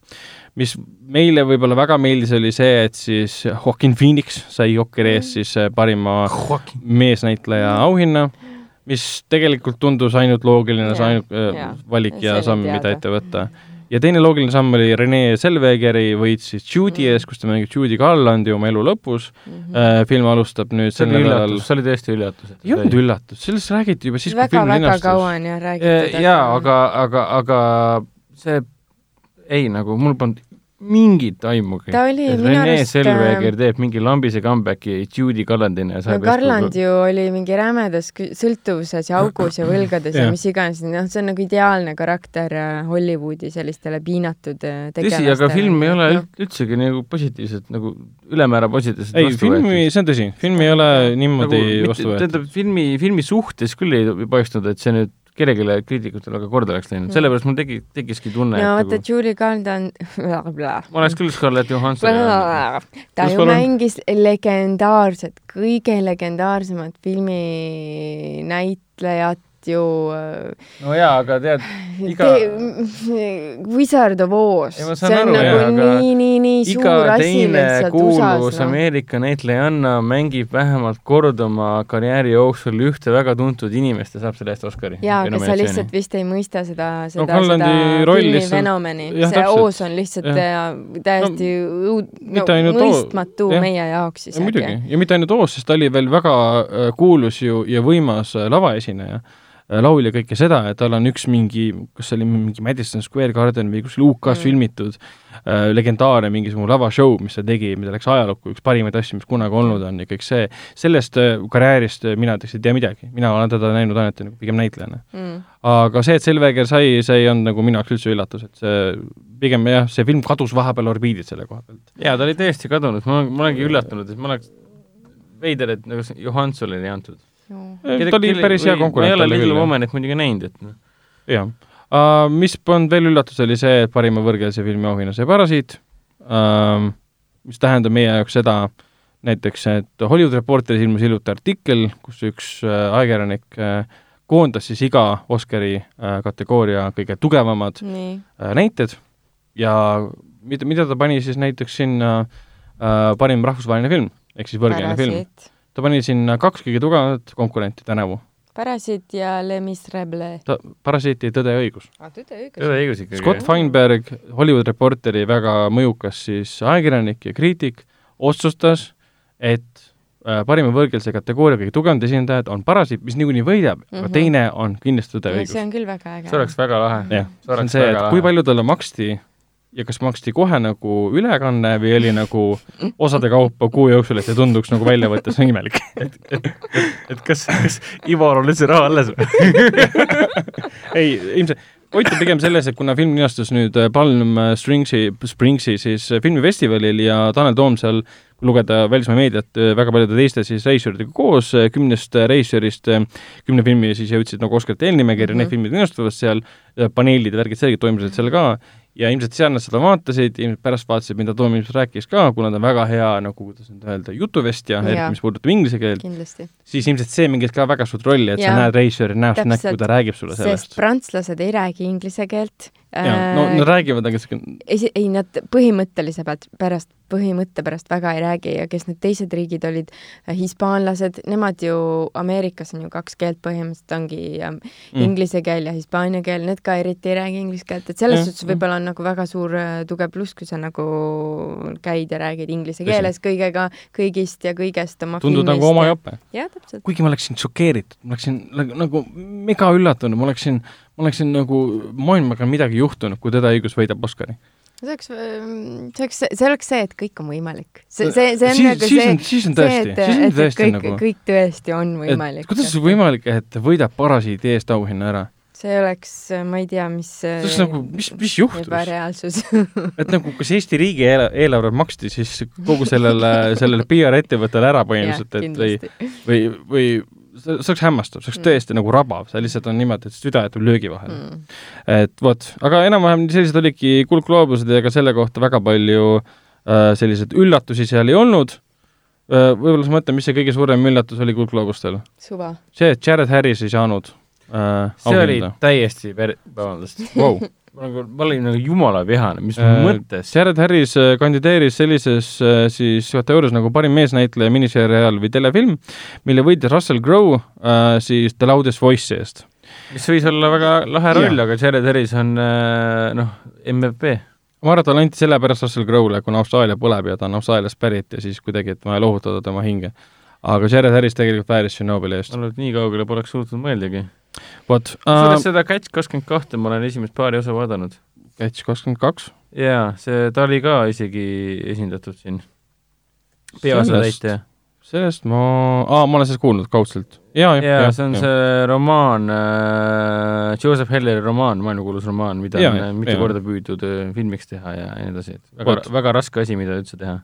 äh, auhindade kohta veel nii palju, et järgmine kord on siis kolmeteistkümnes jaanuar, kui selguvad nominatsioonid, ehk siis see on, mis ta nüüd, teisipäevane päev, ja meil on podcast hiljem, ehk siis sõltub, kas me räägime siin positiivsetest uudistest, see on esmaspäev, või negatiivsetest uudistest ja valame siin krokodillipisaraid. või no tegelikult mitte siiraid pisaraid, vabandust. muidu see on ka väga kihvt, et Phoebe Waller-Bridge jälle äh, oma, oma, oma Fleabagi Fleabag, ja Killing Eve'iga nagu täiega rullib. Sest äh, Brit- britid on vallutanud kuldgloobuse, võib öelda selle kohta. et ta ju praegu on kirjut- alati olnud ta ju aitas kirjutada stsenaariumit ka uue Bondi filmile. Pluss äh, meie näitame ju Foorum Cinemas kinodes Tallinn, Tartu, Viljandi, Tallinn, Tartu, Viljandi äh,, näitame reaalselt ju Londoni Rahvusteatri etendust Fleabag. Ehk siis Phoebe Waller, mis ta nüüd, Phoebe Waller-Bridges ise tegi äh, oma sarja põhjal teatrietenduse ja, ja saal on kohe-kohe põhimõtteliselt välja müüdud. et äh, Phoebe, Phoebe Waller-Bridge on hetkeseisuga väga tõu-, nõutud, väga nõutud äh, kunstnik nii-öelda. okei okay., noh äh,, Bondi kohta nii palju võib öelda, et värske uudis oli näiteks see, et Hans Zimmer hakkab siis äh, mitte Bondi äh,, vaid No, jah, täpselt, No Time to Die ehk siis mis see oli, surra, mitte veel üks päev, aga surm, sur-, surm peab ootama. surm peab ootama jaa, täpselt. jah. Hans Zimmer ehk siis Inceptioni gladiaatori äh, muusika looja äh, või siis ütleme, mis me siin juurde paneme äh,, Karimere piraadid kaks ja, ja kolm muusikalooja, Dunkirki muusikalooja võttis üle siis äh, Dan Roemerilt äh, äh, No Time to Die äh, surma peab ootama helilooja rolli äh,. põhjuseks olevat olnud siis see, et Dan Roemer ei saanud läbi Eon Productionsi siis äh, produtsentidega ja Hans Zimmer on siis äh, kuulsam, parem ja edukam. no selles, loodetavasti. tõenäoliselt võib sellest väga huvitav asi tulla, kui seal järjest mingi kella tiksumist ei ole ja mingisugune Äh, no igatahes see saab olla ainult äge äh, ja vaatame, mis sellest saab, sest Zimmer teeb head, head muusikat. äge on ka, kas sa seda New Mutance'it mainisid või? uus, Uued mutandid on, on film, aprillis, aprillis linastub kaks tuhat, jah, täpselt, aprillis tuleb ta välja, kaks tuhat seitseteist ta filmiti ja on kogu selle aja olnud siis nii-öelda riiulis. pidi tulema eelmisel aastal samal ajal välja jah, see on siis X-meeste universumisse kuuluv äh, lisaosa, mis on siis õudusfilm, kus on lihtsalt mutandid ehk. siis see on ainus X-meeste film, mis siis on Foxi X-meestest alles jäänud enne seda, kui Disney Foxi ära ostis. See oli kõik enne seda, kui äh, Tume Fööniks kinodes põrus, enne seda, kui Disney ostis Foxi ära ja nii edasi. lõpuks nad lasevad selle välja ja kas ja kuidas nad selle filmi abil äkki äh, loovad silla äh, Marveli universumi ja mutantide vahel, sest Marveli universumis ei ole mutante, noh, nii-öelda nagu X-mehi seal ei ole, põhimõtteliselt ühtegi X-mehe tegelast, välja arvatud Scarlet Witch, kes vist on X-mees või? uh,. ei, ei vist ei ole, ma ei tea. ma tahan, okei okay,, ta on mutant, jah. I m not that noob uh,. Sorry, et ma praegu erutasin, aga huvitavad ajad, tahaks näha, mis sellest saanud on, kas ta on, kui palju seda muudetud on, eks need info reisijal ise, Josh Boone, kes tegi Fault in, in Our Starsi uh,, väidab uh,, jaa viimases intervjuus väitis, et tegelikult pole, see uus versioon sellest filmist on täpselt nii, nagu tema tahtis seda esialgu teha. ehk siis tegelikult tähendab seda, et nad, neil oli mingi kaks-kolm aastat aega seda filmi lihtsalt ümber filmida. teha reshoot'e igasuguseid, nad väidetavalt tahtsid seda isegi õudsemaks teha, ehk siis pool filmi pidi ümber tegema, panid sinna näitlejaid juurde ja nii edasi, ehk siis see võib tulla totaalne puderikapsad. ja treiler oli ka umbes niimoodi, et mingi Anna Taylor-Joy silmad helendavad ja võitleb seal mingi digitaalselt loodud ta nägi väga äh, suure nägi karvuga väga X-meest-. Väga X-mehed nägi välja. jah, ehk siis äh, mutantide, mutandid, kellel on erinevad võimed, on kuskil haiglas kinni ja nad arvavad, arvavad, et neid ravitakse seal, tegelikult Anna seal taga on mingi, oli, seal oli mingi vene aktsent oli vist. jah, oligi tehtud, ja jah. meil tuleb ju maikuus, esimesel mail tuleb Black Widow, kes on venelane, nii et uh, I see connection there. It all comes together. hakkame, Nad jah. panevad oma endcreditseenidega need kaks filmi kokku ja ütlevad, et aa, meil on mutandid nüüd. Xavier tuleb ka, me recast isime ta, aga see on mingi uus universum ja siin on kõik uus nagu. ei, seda küll vaja main-, mainivad, et jaa, see teine universum, kus oli Fassbender, McAvoy, see hävines ära. me peame nüüd selle põhipahaga võitlema, kes selle ära Mm. võitis, selle Mm. universumi. see Igatahes- univer-, universe destroying machine. ei no seda ilmselt mitte. aga igatahes fakt on see, et film tuleb lõpuks aprillis välja ja tundub huvitav, aga vaatame, mis temast saab, sest see, mis kaardi taga on toimunud, on olnud üsna, üsna veider uh,. mida me veel mainime, mainime, mainime seda, et uh, Thor Love and Thunder, mis on siis Taika Waititi mingi ülejärgmine film, mida ta nüüd augustis hakkab siis uh, hakkab siis filmima Chris Hemsworthiga uh,, seal selgus, see on siis Thori neljas film, selgus, et Kristen Bale'iga käivad praegu siis uh, läbirääkimised, et ta liituks filmiga, me ei tea, mis, mis roll tal seal hakkab olema, tõenäoliselt mängib ta seal mingi Thori kadunud venda või midagi laadset uh,. aga see on siis Kristen Bale'i esimene koomiksi uh,, koomiksi uh, Film film, Batman. pärast pärast Batman'i. vot kas sa tahad mõne sõnaga Underwateri kohta ka rääkida? ehk siis, mis see oli, vee all või? vee all on eesti keeles, et äh, ilmselt Kristen Stewart ja Vincent Cassel võtavad kätte ja ronivad äh, sügavale veealusesse jaama ja hakkavad seal võitlema äh, kas siis tohutult suure või tohutult kavala koletisega, mille nad seal vee alt avastavad. miks ma sellest räägin, sellepärast et see on äh, Foxi levituses olev film ja tundub, et see on miski, mis on samuti seisnud pikalt äkki just nimelt Disney kaks tuhat seitseteist lõppesid võtted. jaa, et see pidi juba eelmine aasta välja tulema tegelikult ja nüüd lükati uude aastasse, noh, see on see fuck yeah January. et Jaa. mis, mis sellest Underwaterist saab, eks näis, aga tervitama oleks ju näha mingit ägedat tumedates toonides mingit veealust action'it äh, koletistega, mis näeb välja nagu tulnukas. kitsastes koridorides klaustrofoobiline ringi jooksmine, kus Ja mingi monstru hiilib treileri pimeduses. järgi näeb visuaalselt väga äge välja. jah, Kristen Stewart näeb visuaalselt väga äge välja. ja ta on peaaegu et kiirakas siin. Ja Vincent, Vincent Cassel näeb alati visuaalselt hea välja. jah, ehk siis väga klassikaline film, keegi kaevab kuskile veepõhja, oi, sealt tulid kollid välja ja lõpus jääb üks ellu kas, kas siis päkapikkudest midagi ei õpitud? sa ei kaeva liiga sügaval, sealt tuleb mingi kuradi palrog välja, hävitab kogu su elu ära, noh. see oli sõnumite isanda referents praegu. aitäh sulle Jah. selle eest. nii palju aastatuhanded on möödas, ikka aru ei saada või? no vot, vot. aga ei, meie enda ajalugu ju. film tundub igati pidi huvitav, arvestades kas või seda, et äh, mingi suurem ajakiri nimetas praegu Kristen Stewarti selle kümnendi näitlejaks või Wow. näitlejatäriks, ehk siis äh, see on huvitav, et selline karjääri sellisest teatud punktist pärit film jõuab lõpuks suure tagasi, kaarega tagasi kinno. ehk siis tal on sellised ulmefilmid ja sellised blockbuster-filmid, ehk siis ma ei taha öelda blockbuster, sellest äh, Underwater ilmselt ei saa olema blockbuster, ja samamoodi on blockbuster tegelikult tema see ähm, Charlie Ingrid, mis kukkus läbi igatepidi. Aga Underwater võib olla niisugune under gem, gem nii-öelda. pigem, jah, Eesti Jubetil on pigem see edukad filmid nagu see Seeberg äh, äh, sellest Breathlessi naisnäitlejast. Arthouse'i rohkem kui äh, vot, täpselt. kõike muud. Uh, teeme kähku ära ka filmisoovitused, räägime kinoklassikast uh, nüüd uh, jaanuaris, viieteistkümnendal jaanuaril juba saab näha Arnold Schwarzeneggeri tuhat üheksasaja kaheksakümne viienda aasta jumala ägedat filmi, kus on John Matrix peaosas uh,, Commando. Täpselt nii, viieteistkümnendal jaanuaril Ice and Sales Coca-Cola Plazas tuleb siis esilinastus ja saab näha pärast viieteistkümnendat veel kahel alles äh, jäänud kolmapäeval, seega tuleb siis äh, kinoklassika näitusele, näitamine ainult äh, kolmel kolmapäeval mm. -hmm. nii et kasutage võimalust, et näha seda äh, väga naljakat äh,, väga stiilset ja täielikult ajat- ajatut märuliklassikat äh, see on no., eriti just er, erutanud sellepärast, et saab iSense'is näha komandot. oh. Eluaeg vaadanud seda pisikeses kastis kuskil äh, väiksena äh, telekast, nii et jah.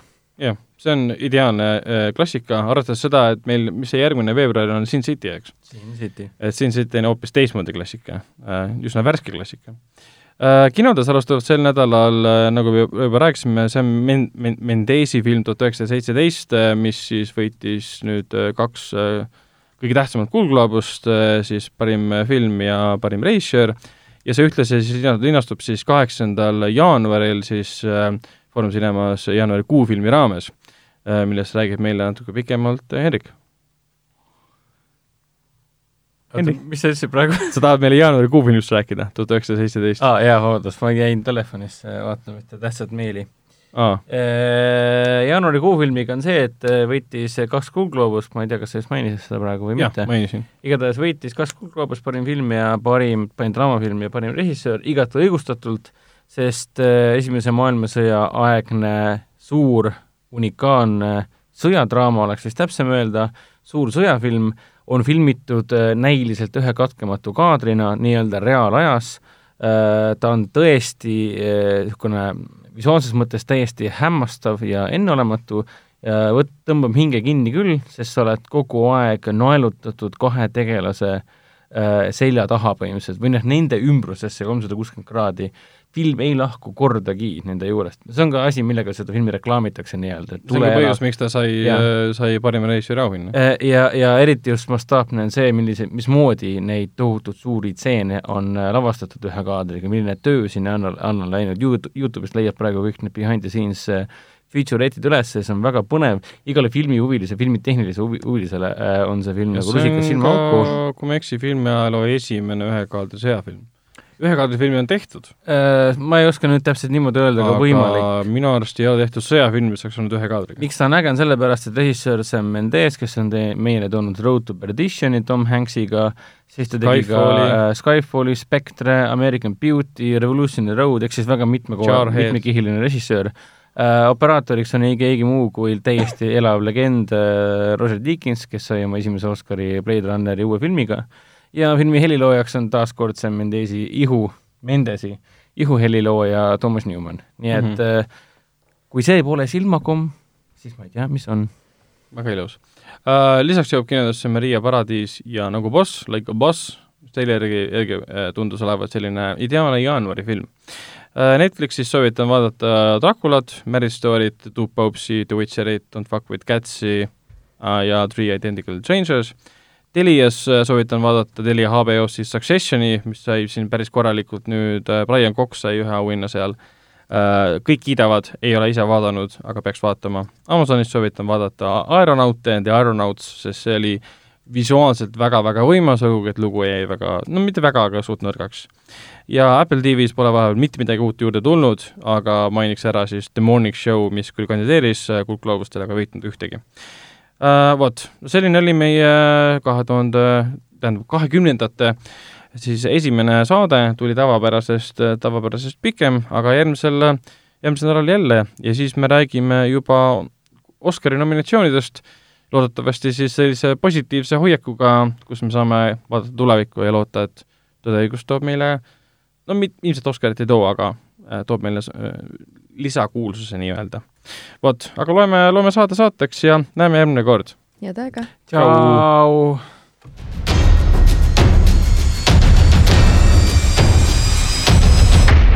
kinoveebi Jututuba podcasti toob teieni Foorum Cinemas